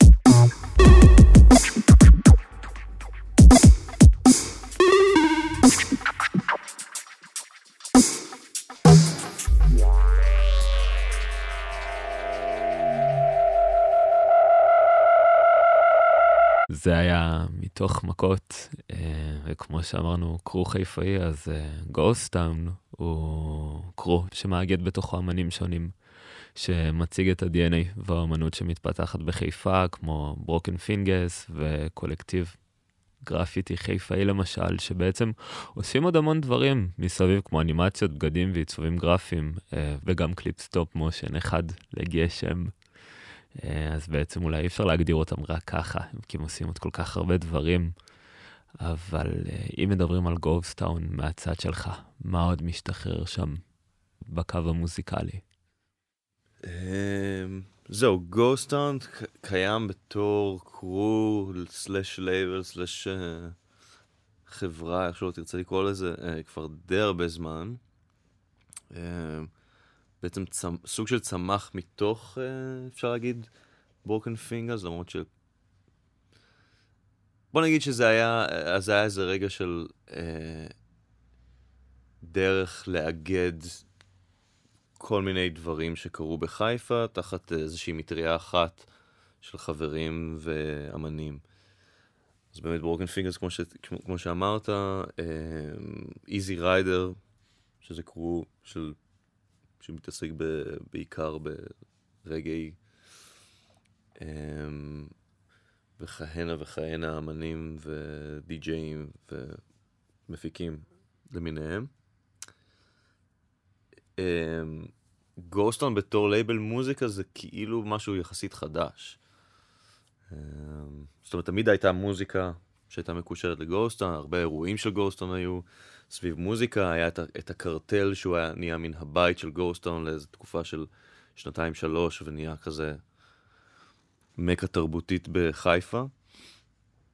אה, קרטל זה מועדון בעיר תחתית ממש קרוב לנמל.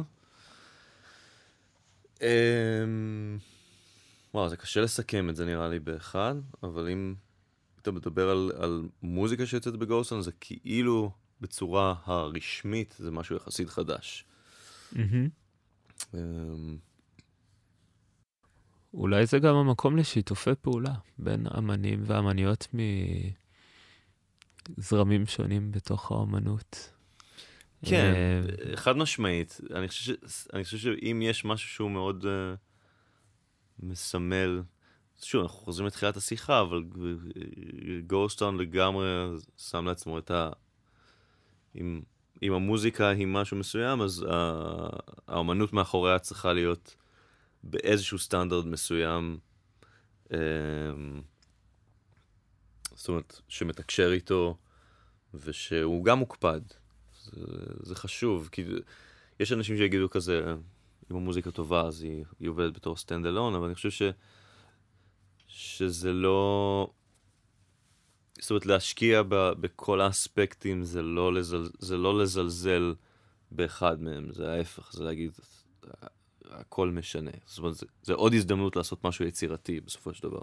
כן. אם זה הלוגו של הלהקה, או הקאבר של האלבום, או איזה דרך שהיא של לדחוף את הדבר הזה קדימה, ו...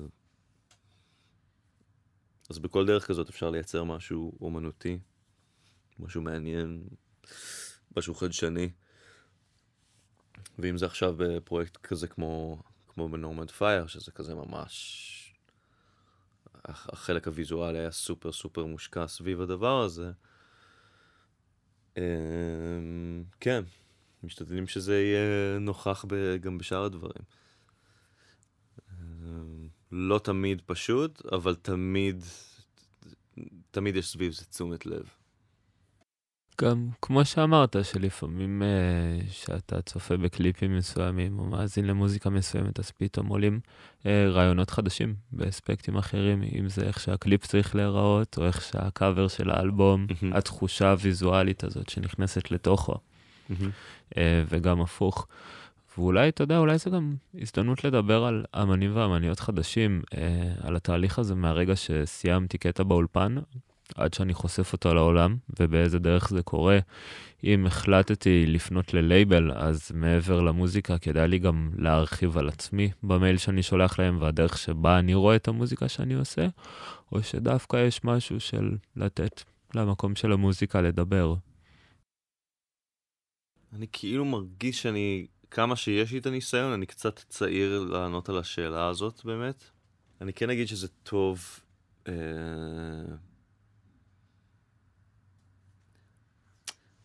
זה יש הרבה, יש הרבה אמנים, מוזיק... בוא נגיד, יש הרבה מוזיקאים שהם מגיעים לשלב הזה, שנורא רוצים להוציא מוזיקה ונתקעים בהרבה מהשלבים, וגם אם עוברים שלב אחד של, ה... של, של, של הדבר הזה שהוא להוציא מוזיקה, הם, נתק... הם כאילו עלולים להיתקע ב... במקום אחר. אמ, ותמיד יש כזה מלא שאלות, איך אמורים לעשות את זה? איך, איך עושים את זה כמו שצריך? איך מגיעים לאנשים. איך... אה. ותכלס, כאילו, ממש אין לזה תשובה. זאת האמת. אין לזה תשובה, אין, אין שום קסם שמייצר את זה ככה או ככה.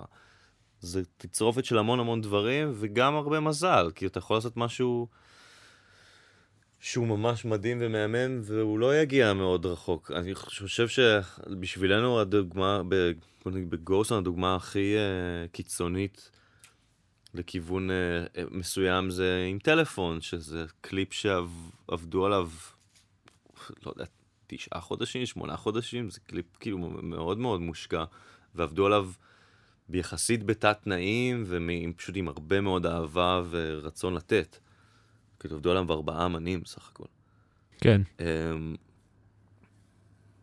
ואתה יודע, הוא הגיע, אתה יודע, הוא קיבל, הוא זכה בכמה, בכמה פרסים, והוא קיבל תעודה מסוימת, וכל מי שראה אותו מאוד התלהב ממנו, אבל אי אפשר להגיד שהוא הזיז את גשם בעולם, וכזה כולם רק...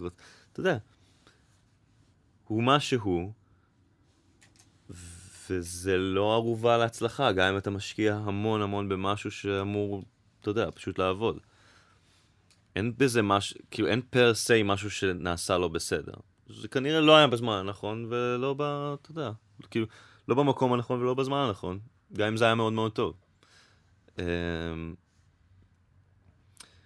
ושוב, פשוט קשה לשים על זה את האצבע. הדרך האמיתית זה פשוט לא להפסיק, ולראות בהרבה כיוונים ולעשות את זה מתוך אהבה ותשוקה.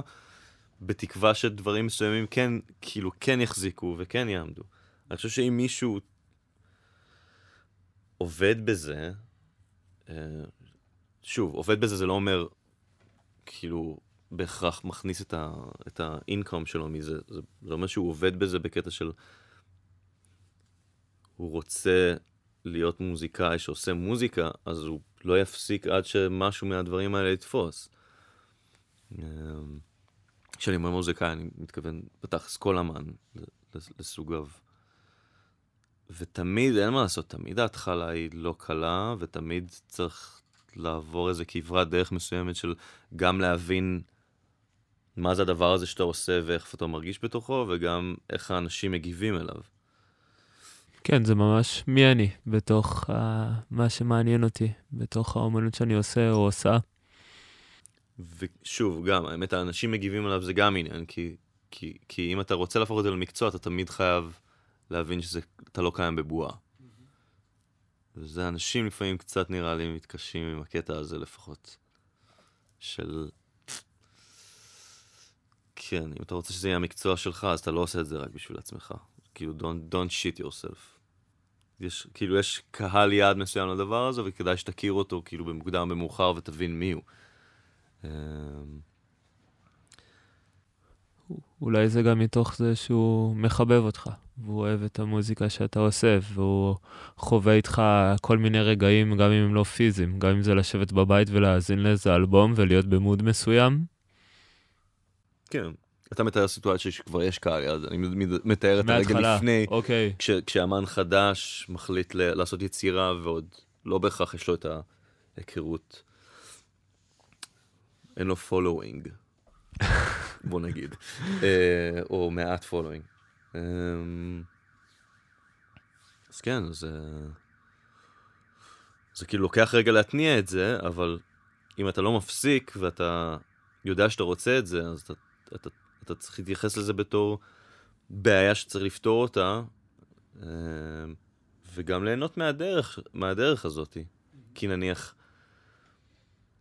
כמו שאמרתי, אני, אני חושב, אני מסתכל על רוב האספקטים ביצירה בתור אה, הזדמנויות ל- ליצור עוד דברים וליהנות מהדרך. זה הכל מין משחקים קטנים כאלה. לפעמים אני אפילו מתייחס לדברים, ה, ה, אתה יודע, העקרים והמשעממים בתור משחקים, כאילו. אתה יודע, אני מגיע סוף החודש וכזה, יהיה, איזה כיף. אספתי את כל החשבוניות ואני בן אדם מסודר. ואני יכול ללכת, כאילו, אפילו זה לפעמים נהיה איזה מין משהו כזה של... אנשים יגידו כזה, וואו, זה fucking מתיש, למה אני צריך להתעסק עם חשבון ו shit כזה וכזה. לא יודע, אפילו, אפילו הדברים האלה בתוך הזה, זה קצת מין כזה לטפוח לעצמך, לעצמך השכם שאתה כאילו, אתה יכול להתמודד עם זה, כאילו. זה לא, זה לא כזה הארדקור. ויכול להיות שהלכתי רחוק מדי. לא, זה, זה לגמרי נכון, זה לדעת להרים לעצמך או לעצמך, אז נראה לי שכל מי שמאזין או מאזינה עכשיו בבית יכולים להגיד לעצמם תודה על איזה משהו שהם עשו בזמן האחרון, גם אם הוא היה נראה נורא מעצבן באותו רגע, בטח זה היה טוב. כן, הרגעים האפורים הם אה, לגמרי חלק מהעניין. אני כאילו זה כיף לדעת, אפילו אם אתה לא הכי נהנה לעשות את זה, זה כיף לדעת שאתה יודע לעשות את זה. זה כיף ההרגשה שאתה כזה על זה. ולדעתי בן אדם שמצליח, גם אם הוא לא מצליח לעשות כל הדברים בעצמו, אבל הוא מצליח לנהל את כל הדבר הזה בעצמו באיזושהי צורה, זה, זה קצת שם. אתה יכול להיות או מאוד מאוד מאוד מאוד מאוד מוכשר, ולחכות שהדברים האלה יגיעו, כי הרבה פעמים אנשים כזה, רוצים שיגלו אותם. ופשוט דברים יתחילו לנסוק. אבל בתכלס בעולם שלנו יש משהו הרבה יותר כיף בלהגיד, אה, אני עצמאי ואני באמת לוקח את כל האחריות על עצמי ומוצא את הדרכים לעשות את זה. אז mm-hmm. אוקיי, אז אני לא יודע לעשות 1, 2, 3, אבל אני מכיר חבר שאולי יכול לעשות את זה, ו... זאת אומרת, למצוא איזושהי דרך אה, לעבוד בתוך, בתוך החברים שלך, בתוך הקהילה שלך, ו... וכאילו אנחנו פה בשביל לייצר יש מאין. בוא נגיד הקהילת היוצרים, מי שהם לא יהיו. אמ, לאיפה הלכתי עם המשפט הזה? ל... כן, ללהיות to own your shit, להיות על זה. שזה ממש... אה, שזה ממש חשוב להגיע למצב שאם אתה ניגש, אם אתה ניגש, אם אתה מבין שאתה רוצה ליצור משהו ולהוציא אותו לעולם, אתה מכניס את עצמך בעצם לתוך מסע שבו אתה צריך להיות על זה, או, ו, ולעבוד באיזשהו מקום מאוד מאוד קשה, אז שווה לך ליהנות מהאספקטים. שווה לך לא להתייחס לזה בתור מטלות. של כזה, אוי, אז עכשיו אני, אני מוציא את השיר הזה, אז אני גם צריך אה, לכתוב קומוניקט. booking. ולוגו, ואני צריך לחשוב כן. על booking, ו... ומי זה יהיה ומי זה יהיה. כן, מצד אחד אפשר להסתכל על זה בתור מטלות שהן מתישות, מצד שני, וואו, זה כל הדברים האלה יכולים להיות ממש כיפים, כזה, אתה יכול... לא יודע, אתה יכול להמציא סיפור מצוץ על, ה... על איך שהקמת את הפרויקט הזה שאתה, ואיך שתקרא לו.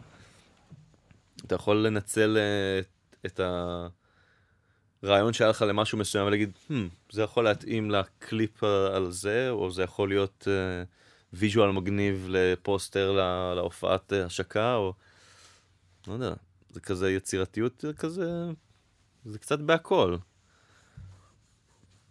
כאילו אם אתה כבר מחליט שאתה יוצר, אז אל תגביל את עצמך, כי אתה לא צריך להיות דבר אחד. זה, זה נראה, זה משהו שכאילו לילדים ממש יש אותו, וככל שאנשים מתבגרים הם כאילו מוותרים על, ה, על האופציה בכלל כזה. כאילו, לדמ, לדמיין זה לא כזה קשה. מקסימום לוקחים משהו. אל תאבדו את זה. אל תאבדו את זה. תישארו בתוך הדמיון. Don't lose your dinosaur. יס. Yes. בוא נשאר עם המחשבה הזאת ונשמע עוד קטע מתוך מכות, ונחזור לדבר אחריו. Música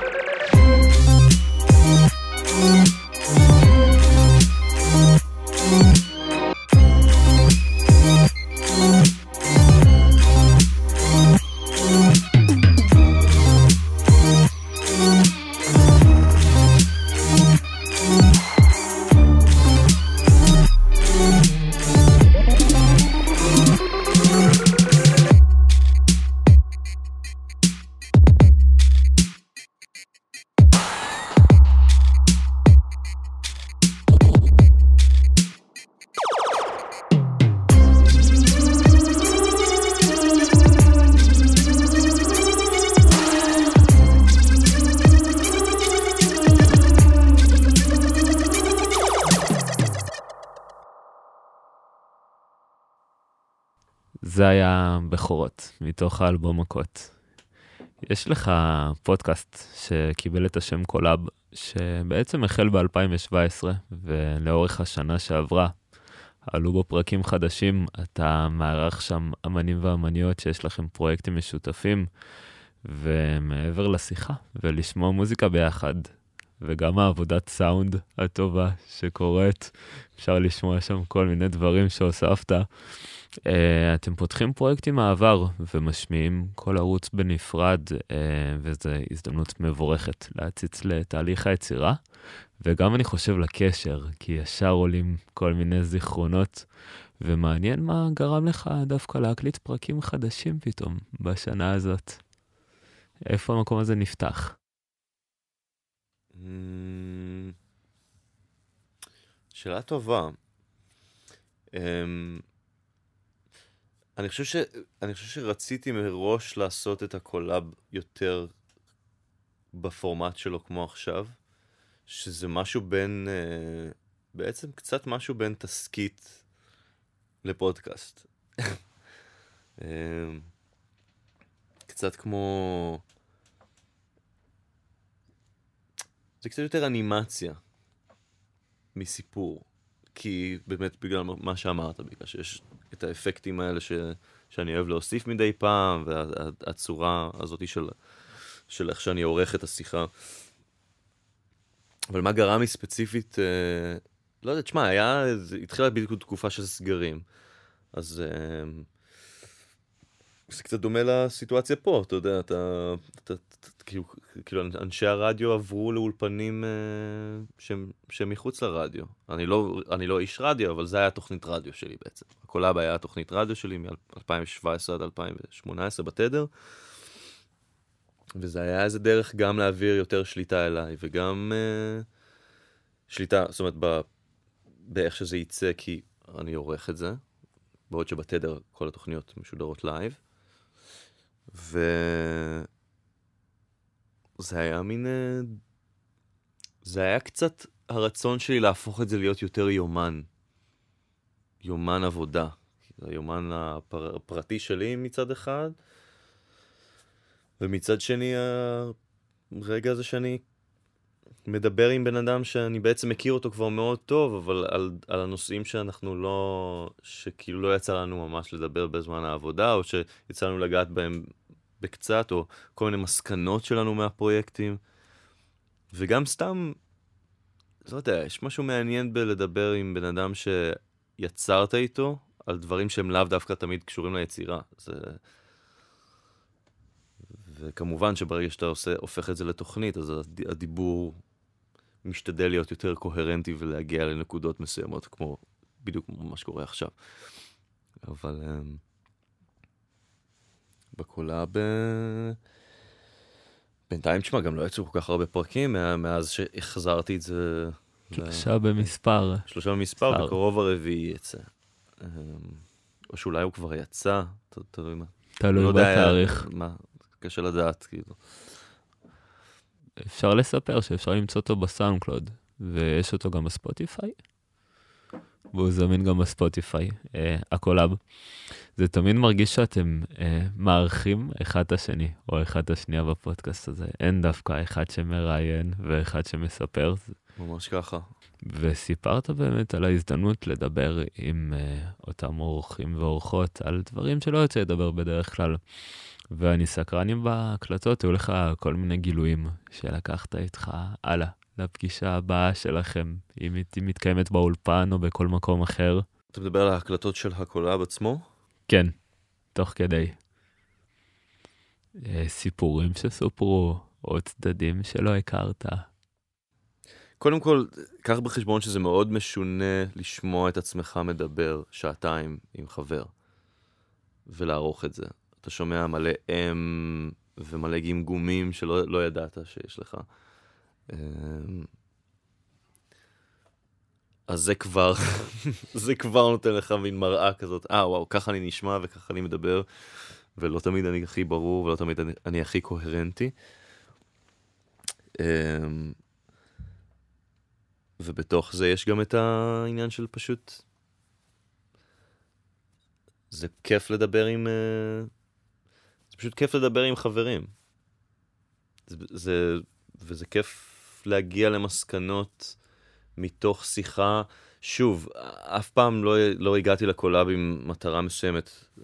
לא, אני, אני מניח שיש לך פה איזושהי רשימת uh, שאלות ודברים שהכנת מראש לה, להיום. אני די מנסה לא להכין שום דבר לקולאב.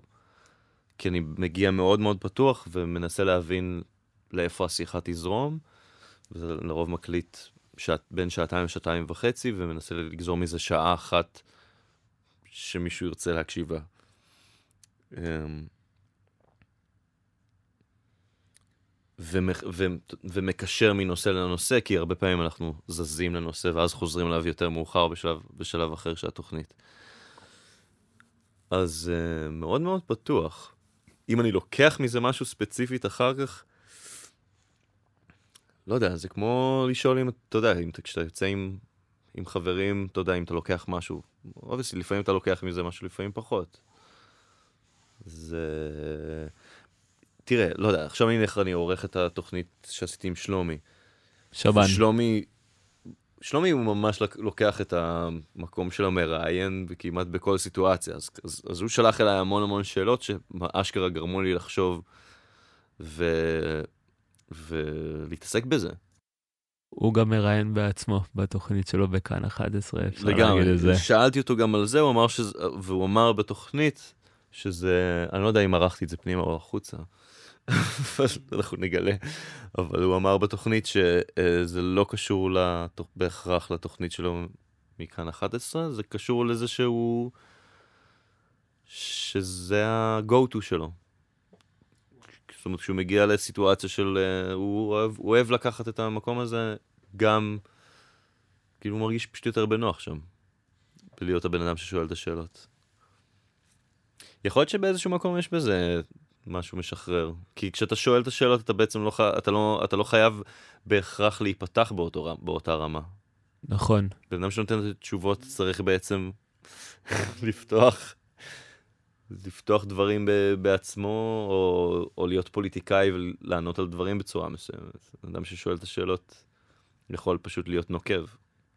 להיות עם השאלות שעולות לו בראש ולהישאר בהן, למרות שהן תמיד יכולות לחזור אליו, ואז בטח יקרה לו איזה משהו מעניין. אולי זה גם השאלות שהוא רצה תמיד לשאול את עצמו, ולא העז. הוא כיוון את השאלות, אה, זה הרגיש מאוד שהוא... זה דווקא הרגיש כאילו הוא עשה הכנה. הוא עשה הכנה לקולר יותר ממני, הוא כזה שאל אותי כל מיני שאלות ממש מעניינות, שזה מה שאני אומר, זה אם דווקא אם בקולר האחרון, יצא ש... שיצא לי אחרי, כאילו יצא לי אחרי זה ממש לחשוב על כל מיני דברים שהוא שאל אותי. עוד יותר לעומק, כאילו, אם לא הייתה לי נניח את התשובה באותו רגע אה, המיידית לתת לו. אמ, אבל זה... זה מעניין. אני חושב שזה... אני חושב שזה דרך טובה לתת אה, את הידע והניסיון שלך בצורה לא...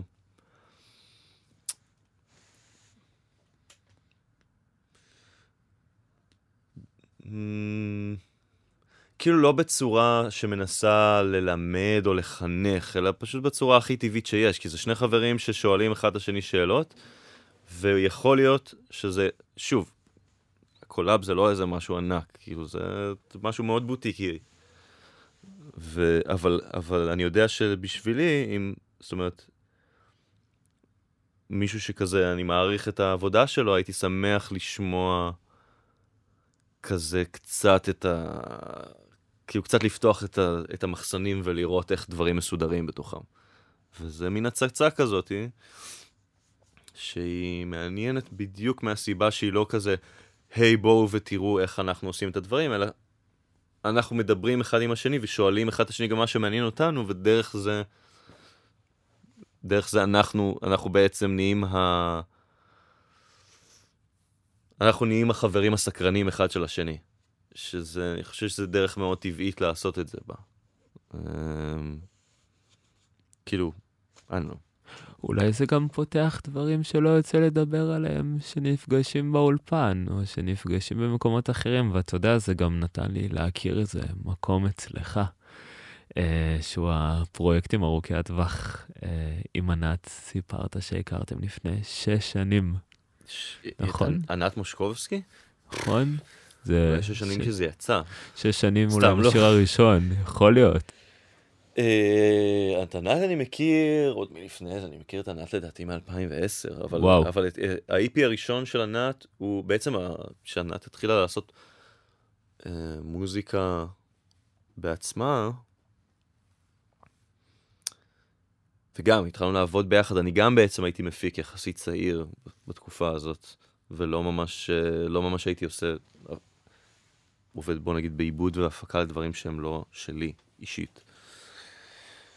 אז uh, זה היה מין ניסיון כזה, הוא פשוט צלח נורא טוב, כאילו אנחנו גם חברים כבר מאוד טובים, אז הכרנו את הפלט האחד של השני, אבל גם, שוב, אני הייתי פשוט גם זמרת מעולה, בקטע לא, לא סביר.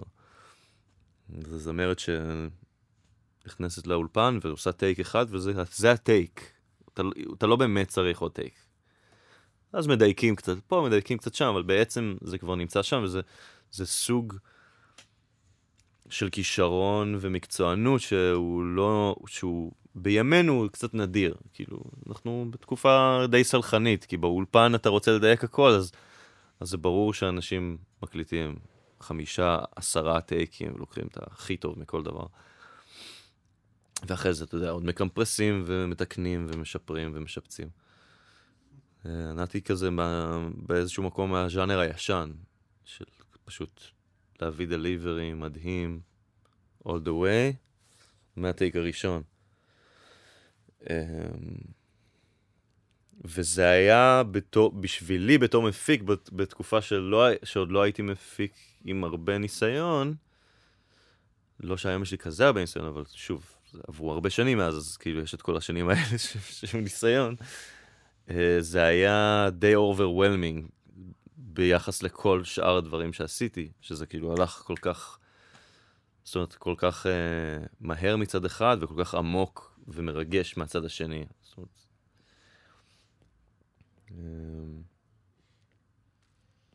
וזה נהיה גם איזה סטנדרט מסוים של אני כזה, אוקיי, אני יודע שזה יכול להיות ככה עם מוזיקאים. את הדינמיקה שאתם חולקים באולפן, אתם גם חולקים על הבמה, חשוב להגיד. אה, זה קורה שאתה מופיע איתה ביחד. אה, אז הייתי בהופעה בתדר, שהיית על הקלידים, ובהופעה האחרונה כבר היית על הבאס. זו הזדמנות להתנסות. עליתי בדרגה. לגמרי. לבאס. Mm. וואי, האמת שבאס זה פשוט... אה, היה לי חלום ארוך להיות מתופף בלהקה, ו... למזלי היה את אה, להקת סמלפי שהסכימו לקבל אותי בתור מתופף. אמ, ואז הגשמתי את החלום הזה, ואז החלום החדש שהגיע בעקבות זה, זה להיות גם בסיס מתישהו בלהקה, והאמת שאפילו הייתי לתקופה מסוימת הבסיס של להקת מנדייט, גם הם חיפאים. ו... וזה נתן לי את ה... את ה... בוא נגיד את הביטחון, כאילו ידעתי לתת bassline שאני מרוצה ממנו, אבל להופיע עם בס זה כבר קצת שונה, זה כאילו, זה אחריות נכון. אחרת. אמ, אבל עם אה, ענת, אה, אני מרגיש, מרגיש שזה קרה. בוא נגיד באינדיה נגב, שזה בעצם הפעם היחידה שעליתי איתה על הבאס, זה ממש קרה. זה, זה שנייה גם מקום מעניין אה, לדבר עליו, שבעצם להיות מתופף, אה, ובכלל להתחיל בקלידים, ולעבור לבאס, ו, ולשחרר את המקום הזה של להיות רק במשהו אחד, או להגיע למצב שאתה, או את, הכי טובים במשהו, ו- ולהישאר בו, ורגע לחקור עוד מקומות בעצמך או בעצמך, ושזאת תהיה חוויה טובה. ובטח גם שזה מרגיש קצת פחות בנוח, אז עדיין, זה, זה נשאר בחוויה הטובה הזאת, של התנסיתי בעוד משהו, חקרתי עוד עולם בתוך עצמי. או דברים שרצית להשיג, כמו שאמרת, שרצית לנגן רגע על בס, והנה זה הגיע.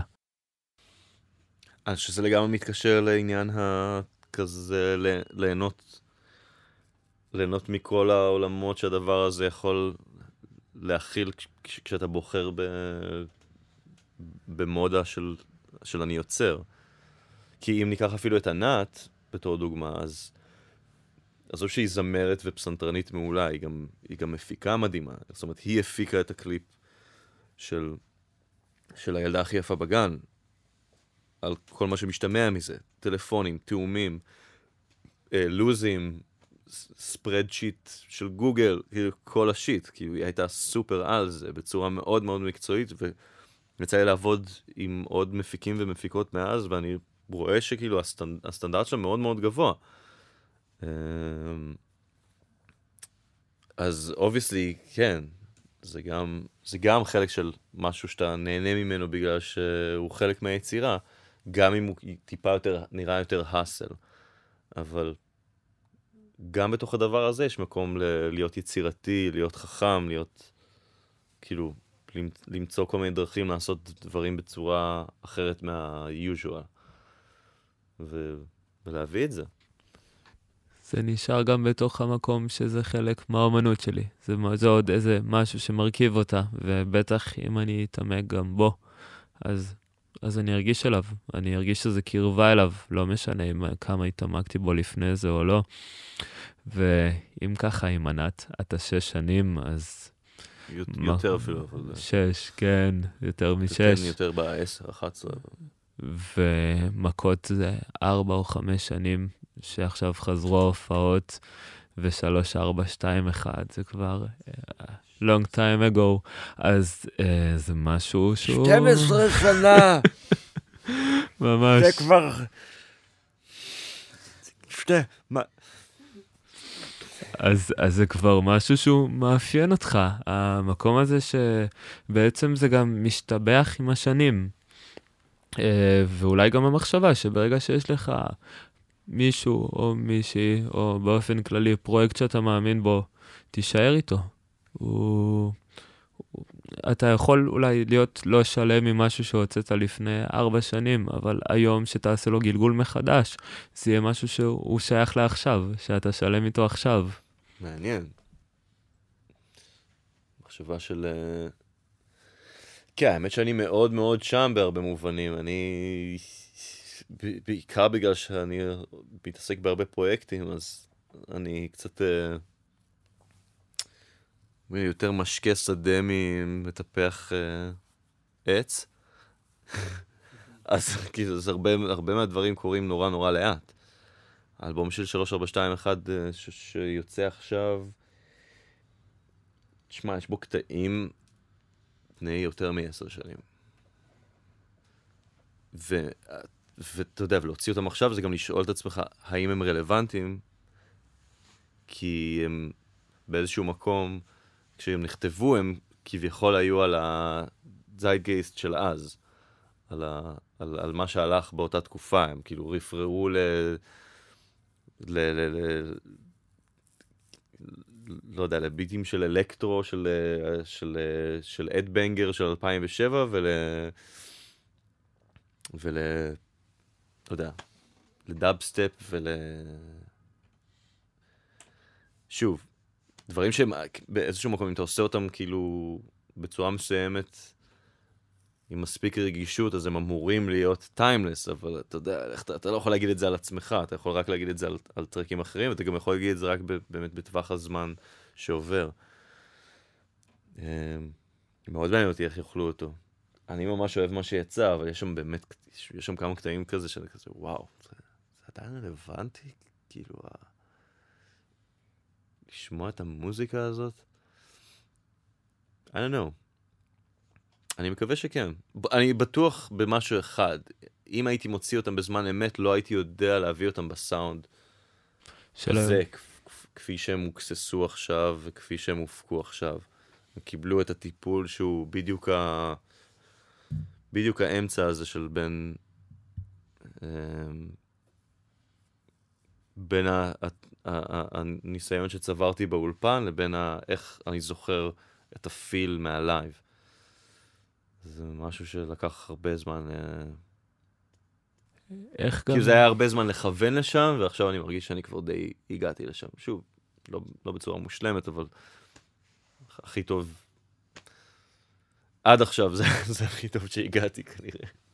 טוב לשמוע שאתה מרגיש במקום הזה, וגם כמו שאמרת, זה הרבה עניין של uh, הניסיון הזה שאתה צובר באולפן, ואיך אתה משתפשף, והפרוססים שאתה מעביר היום את המוזיקה.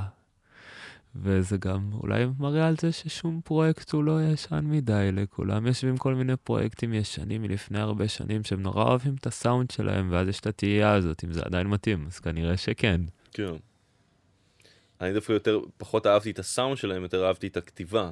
כאילו הרגשתי שהכתיבה הייתה מדויקת, העיבוד היה מדויק, אבל משהו בסאונד לא היה לגמרי עד הסוף.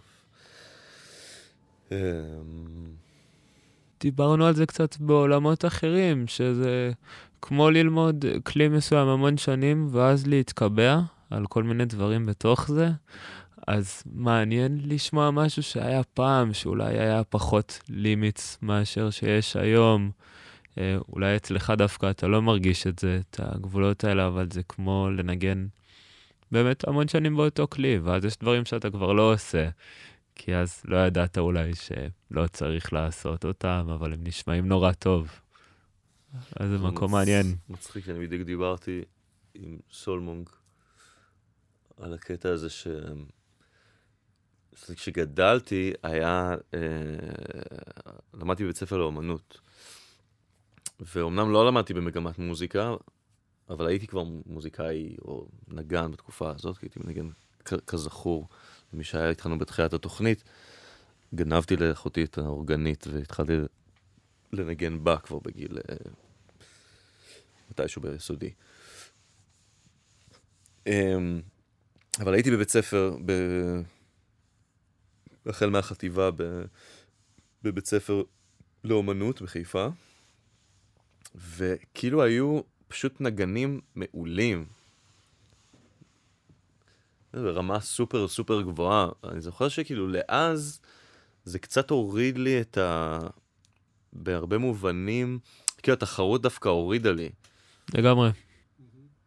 כאילו שאנשים לידך מנגנים ממש טוב, זה לאו דווקא מדרבן אותך, לפעמים זה דווקא מוריד אותך. כאילו חושב שבאיזשהו מקום הורדתי מעצמי את, ה, את ההבנה שאני אי פעם אהיה קלידן מדהים, או פסנתרן מדהים, כי כאילו האנושים פשוט מעולים בכל הסביבה שלי. אה, וזה נתן חופש מסוים. כאילו ההבנה הזאת שאתה לא הולך להיות הכי טוב בדבר הזה, נתנה לי קצת החופש להגיד, טוב, אז אני פשוט אהיה קצת טוב בכמה דברים.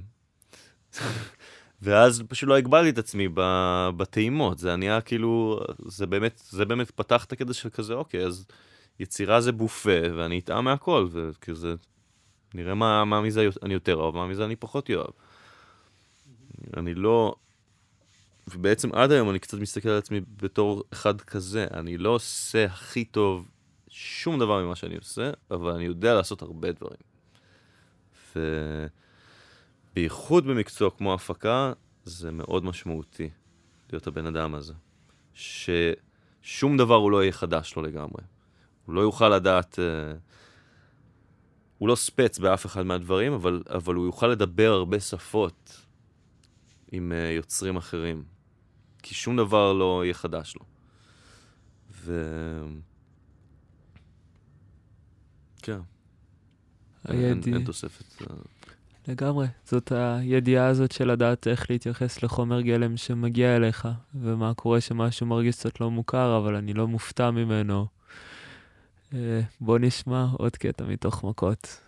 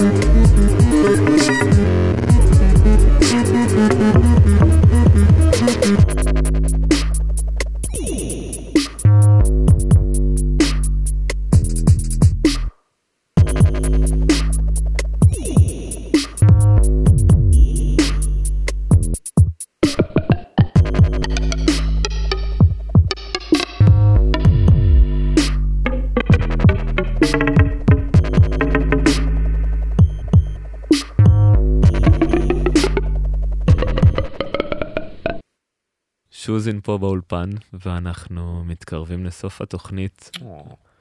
נכון. אה, וואו, עוד אחת כזאת בתחילת 2023. אם תהיה פנוי עד אז, אז כן. בוא נראה. במדיות אתה משתף מוזיקה שלך, וגם הרכבים שאתה מנגן בהם וכאלו שאתה מפיק אותם, לפעמים זה גם מגיע ביחד באותו פוסט, אה, וזה מקום טוב להיות בו ולהיחשף למוזיקה חדשה, וגם להתמלא בהשראה, אז אה, תודה על זה. תודה לך, וואו. וזה... אז מה לדבר על תוכניות ל-2022? אפשר להתחיל באמת עם האלבום שני לטריליון, שיהיה גם אלבום כפול של 22 קטעים. Uh, טריליון הוא collaboration בין שלושה הרכבים, מה שיצר סאונד ייחודי שמפגיש בין כמה עולמות. מה תוכל לספר על האלבום הכפול החדש? וואו. אה, תשמע, קודם כל זה אלבום מאוד ארוך. 22 קטעים זה נראה לי הכי הרבה קטעים שהוצאתי ברצף ברליס אחד. אה, לא כולם יהיו לגמרי חדשים, חלק מהם יצאו במהלך השנה וחצי האחרונות כסינגלים, ואפילו אחד מהם יצא, או שניים יצאו בתור מין איפי, אבל עדיין יש שם המון המון מוזיקה חדשה. וגם קצת קטעי מגירה שקיבלו איזה פוליש, ואמרנו, יאללה, בואו נוציא אותם לאור.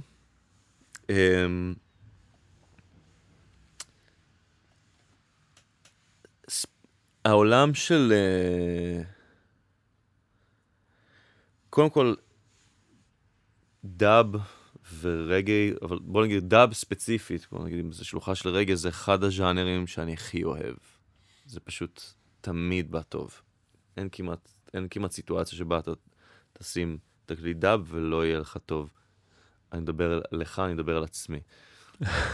אבל, אבל אני, חושב ש, אני חושב שזה ממש נכון. זה אחד, ה, אחד הז'אנרים שפשוט באים הכי טוב. אם זה ברקע או במרכז של הדבר, זה כאילו, זה... יש שם איזשהו איזון מאוד מדויק ש, שהתרחש. עכשיו, having said that, באלבום הזה יש הרבה קטעים שהם בכלל לא דאבים, אבל יש, יש הרבה דאב גם. ויש בעצם את כל סך ההשפעות של רגעי, דאנסול, דאב, ג'אנגל, סקה אה, ושלוחותיהם עליי ועל חבורת אה, טריליון, שמורכבת בעצם מארבעה מוזיקאים מאוד שונים אחד מהשני, אפשר להגיד. אה, זאת אומרת, ארבעה אה, זמרים ואני, כרגע זה, זה בעצם מה שמרכיב את אה. אמ, ו... אחד, בוא נגיד, רנקין, רנקין ליבי, shout out, הוא, אה, שוב, הוא גם מאוד ורסטילי, אבל הוא, הוא הרבה פעמים ילך באמת לכיוונים של הסקה, של, ה, של הדאב, של המוזיקה ה... בוא נגיד של כל מה שהוא רגאיי 70's, הוא מאוד מאוד שם, ובצד השני הוא גם נורא אוהב רייב ו... ומוזיקה בריטית של תחילת ה nineties, וכאילו זאת אומרת הוא גם, שוב, הוא גם הוא סוג של מוזיקולוג, אז כאילו הוא אוהב מלא דברים, אבל אני, כאילו שני הדברים האלה זה, זה דברים שמאוד השפיעו, זה דברים שמאוד יצק לתוך האלבום הזה. עכשיו, ג'נרל ג'י נורא אוהב DJ style של, של אה, סוף שנות ה-80 ותחילת שנות ה-90. אמ, ואז יש את אה, מנטור איירי וגומה, שלוקחים את זה הרבה פעמים לכיוונים של גם מאוד הדברים המודרניים, אוטוטיון וכולי וכולי, גם אפרוביט והיפ-הופ וטראפ, כאילו שניהם כזה, איכשהו לוקחים את המקום הזה לשם. גומה באמת יותר לכיוון ההיפ-הופ ו... ומנטור יותר לכיוון של... של תכלס מה שהולך עכשיו בג'מייקה. כאילו, של המוזיקה ה contemporary בג'מייקה, הוא מאוד מאוד שם. ואז יש לך את הארבעה חבר'ה האלה, וכולם עושים ביחד אלבום אחד, שהוא כל הסך של הדבר הזה, זה קצת... זה קצת כמו אוסף יותר מאלבום, וזה באמת 22 קטעים, אז זה כך או כך ירגיש כמו אוסף, אבל אתה מטייל שם בסביבות, זה, בוא נגיד, זה לא, לא אלבום מאוד קוהרנטי, והדבר היחיד שמאחד אותו זה העובדה שהכל סביב רגע והכל בפתווה. אמ, וזה מצחיק שארבעה חבר'ה מחיפה בסוף עושים את זה. זאת אומרת, אחד ברמת גן, אבל... אמ, אז... מאוד מעניין אותי איך אנשים יקבלו אותו. בינתיים אנשים ששמעו אותו מסצנת הרגעי מאוד אוהבים את זה. אני חושב שמה שאנחנו מביאים פנימה מזה שאנחנו לא קוהרנטים, זה קצת, ה... זה קצת החופש החיפאי הזה, עוד פעם, סורי שאני חוזר לה... להלל את העיר שממנה אני בוקע, אבל זה קצת החופש הזה של... אתה לא חייב להיות מקובע בתוך משהו, ואתה עושה את זה בתור, כאילו, אתה אוהב רגע, אז אתה עושה את זה, אז זה, לא, obviously לא הדבר היחיד שאתה אוהב, אבל באנו לעשות את זה, וזה מה שאנחנו עושים. ו-obviously יש בזה השפעות של כל שאר הדברים שאנחנו אוהבים. ואתה שומע את זה, לא משנה כמה אנחנו כאילו פיוריסטים בזה שאנחנו שרים בפאקינג פתווה, כאילו, יש, יש, בסופו של דבר זמר אחד בהרכב שבאמת מדבר פתווה שוטף. אז, אז כן, אנחנו משחקים בזה, ואני מקווה שזה יתקבל טוב. האלבום הראשון, התקבל די טוב, והאלבום הזה, בינתיים מי ששמע אותו, עושה קולות של uh, כיף לו. אז, אז בואו נראה מה יהיה.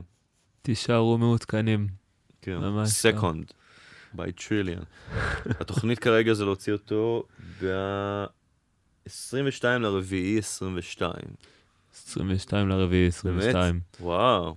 נגיד לך מזל טוב אז. מזל טוב כפול. לגמרי.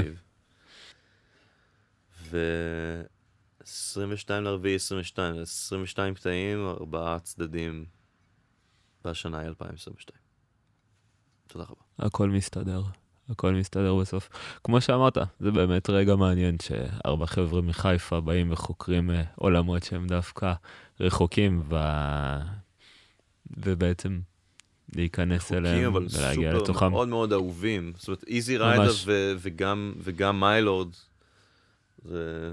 באופן כללי, יש הרבה sound system ים ב- ב- בארץ שלנו, שפשוט מאוד חיבקו את, ה... את הז'אנר הזה. כאילו רגאיי ממש קורה בארץ. yes, לגמרי. ארץ חמה, אני מניח שזה קשור לזה.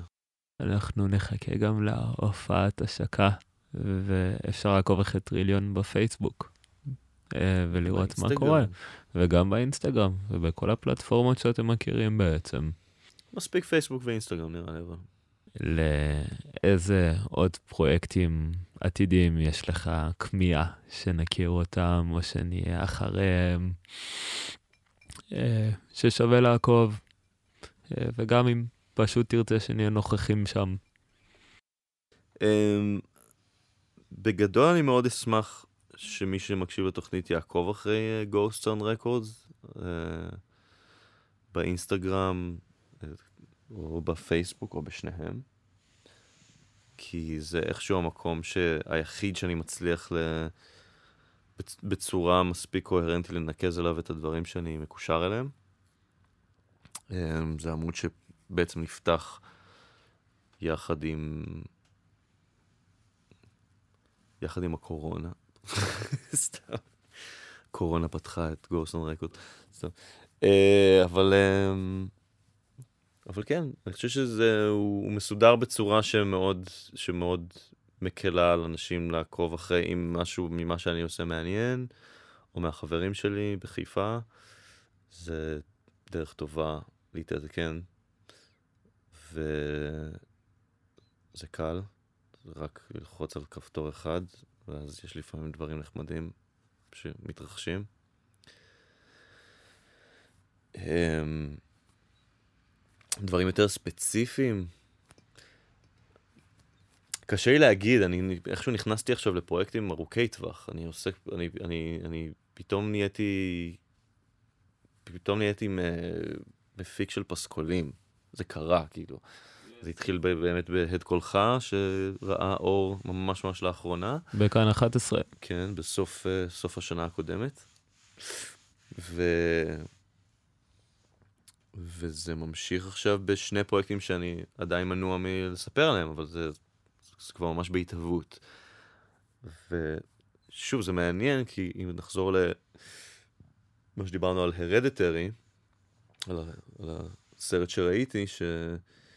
שזה לא הפעם הראשונה שקורה שאני אומר לעצמי, היי, זה יהיה מעניין לעשות את זה, ואני מוצא את עצמי כמה חודשים אחר כך, או כמה... לא, לגמרי, כמה חודשים אחר כך מתחיל, מתחיל להתעסק בזה, והופך את זה לעוד איזה נדבך ב... ב... בחיים שלי. כי זה קרה בהרבה מובנים גם בהפקה, ש... אני חושב שקצת אחרי שסיימתי לעבוד על בייפולר, uh, תקליט של 3421, בעצם הבנתי שזה מעניין אותי, שזה יעניין אותי להפיק פעם למישהו אחר, ש... משהו שהוא לא שלי. ולא הרבה זמן אחרי זה התחלתי להפיק את האלבום השני של אסטרדה. זה קרה מאוד בצורה מאוד מפתיעה, אבל, זה, אבל, אה, אבל גם בעצם לא. כאילו, כי גם אתה מכוון למשהו מסוים, אז אתה יותר תשים לב אם הזדמנות כזאת היא צצה. וגם כי... כי על האלבומים שיצא לי לעבוד עליהם של עצמי, אני חושב שהכי הרבה אנרגיה הושקע, הושקעה בהפקה, באיזשהו מובן. זאת אומרת, בעיבוד, בהקלטה, במיקס, בבחירה של הסאונדים, שם היה הכי הרבה שעות, שם היה הכי הרבה, כאילו, הכי הרבה התעסקות. זה כאילו ממש עניין אותי, למצוא את הסאונד הזה, כאילו, זה בעצם ה- לפיין, ל- כאילו, to finalize it. לכתוב שיר מגניב, זה כאילו באיזשהו מקום, זה גם מאוד מאוד קשה, כן? אבל לכתוב שיר שנשמע כבר די מגניב ב- בכלי מסוים, ואז לנסות לדמיין מה זה יכול להיות, ובאיזה אנרגיה זה יכול להגיע אליה, אבל אז להגיע למצב שאתה באמת צריך תגרום לזה לקרות, לצאת מה, מה, מהרמקולים ושזה כאילו יטמטם אותך, זה, זה, כאילו, זה, זה היה לי מאוד קשה, בוא נגיד. כי כתבתי שירים מכיתה ו', אבל כאילו התחלתי להפיק, כמו שדיברנו, רק, ב, רק בתיכון. אפילו לא, כאילו, רק התוודעתי לעובדה שאני יכול להיות מפיק בתקופה הזאת, אה, או שאני יכול להתעסק בהפקה באיזושהי צורה. אמ, אז כאילו, כן, אז כל הדבר הזה היה לי יותר חדש, ו... ומפחיד אפילו באיזשהו מקום, כי זה המון אחריות. שזה קורה עם אנשים אחרים. גם להוציא מוזיקה שלך. גם לעצמך. זה, נכון. זה אחריות של... זה אחריות של, זה בעיקר, שוב, כן, זה אנשים אחרים, כן, כי כאילו, גם הדברים שהיו שלי, אז הם היו עם הרבה פעמים עם הרכב, או עם עוד אנשים שהיוו איזה פידבק לזה, אז אתה לא... כאילו אם זה לא קורה, יש איזה משהו כזה, אני לא יודע, אני מניח שזה קרה לך אם אי פעם יצא לך להפיק שיר, להקליט שיר. יש את הרגע הזה שאתה משמיע מיקס, רף מיקס, או מיקס יחסית זה, ובזמן שאתה משמיע אותו, אתה מתחיל להרגיש דברים שמעולם לא הרגשת אותו, רק בגלל שמישהו נוכח, הוא יכול לא להזיז את הפנים שלו, או להתלהב בטירוף, זה לא משנה, אתה אפילו לא חייב להסתכל עליו. אתה מקשיב ואתה מבין עוד דברים, אתה כזה. אני לא, אני לא חושב שזה עובד. או אני חושב שזה ממש עובד, ולא שמתי לב כמה זה עובד. כמה, כמה זה נופל יפה. עד עכשיו שאני משמיע את זה למישהו בחדר. זה... זה אחריות מסוימת כלפי היצירה שהיא... אה,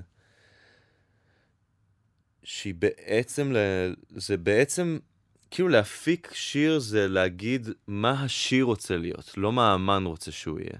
כי כשאתה כותב את השיר, אז אתה פשוט כותב אותו. אבל כשאתה מפיק את השיר, אתה קצת שם את האמן בצד, אתה כאילו שם את השיר במרכז. ומה השיר צריך. ו... ולא מה האמן שכתב סולו נורא יפה, כאילו, רוצה ש... אתם מבינים מה אני אומר? כן. אמ, והאחריות הזאת, זה, זה בעצם הדבר הזה שהייתי קצת צריך נראה לי את ה-leap of faith של להתחיל להפיק לאנשים אחרים בשביל באמת להשתפר בזה. כי, כי אז אתה לא, כי אז כל פעם שאתה משמיע גרסה, אתה משמיע את זה גם לבן אדם. אז אתה כבר יודע מה אתה מרגיש תוך כדי שאתה משמיע את זה, אז אתה חייב להשתפר, כאילו, כי אתה לא יכול להרשות לעצמך ללחוץ פליי ושהשיט לא קורה. לגמרי. זה מעניין מה שאמרת, שהרבה זמן חשבת על אה, דברים שקורים, ואז הם הגיעו אחרי כמה זמן, לא משנה באיזה צורה, וזה מכניס למקום הזה של ה... מה שאתה מזמן לעצמך בחיים האלה, בנוכחות, במה שאתה עושה, שאתה מתחיל לחשוב על משהו, ואז הוא קורה, אבל זה אף פעם לא יקרה אם לא תשקיע בזה, וכשאתה משקיע בזה וזה מגיע, אז אתה אומר, וואו, עשיתי משהו בשביל שזה יקרה. ו- ונפתחה איזו הזדמנות, לא משנה אם הם הכירו אותי לפני או לא, אבל אה, השקעתי משהו ו- ו- ומשהו קרה, שבעצם פתח אותי לתוך ההזדמנות הזאת. זה מרגש לשמוע את זה. זה כיף. שוזין, תודה רבה לך על השעתיים האחרונות, על המוזיקה הרבה והטובה והעולמות הרבים שאתה מחבר ביניהם. אני מצפה לראות מה השנה הקרובה תזמן לך ולנו. יש, איזה כיף לי, תודה רבה לכל מי שהקשיב. תודה אייל שהזמנת אותי. אביב, תודה גם. אביב, שהזמנת אותנו בעצם. יס, לגמרי. תודה על האירוח, חביב, ועל הסאונד. אני אייל כהן, וזאת הייתה תוכנית המוזיקה של גל"צ, הפרק הראשון ל-2022. תמשיכו ליהנות מהלילה.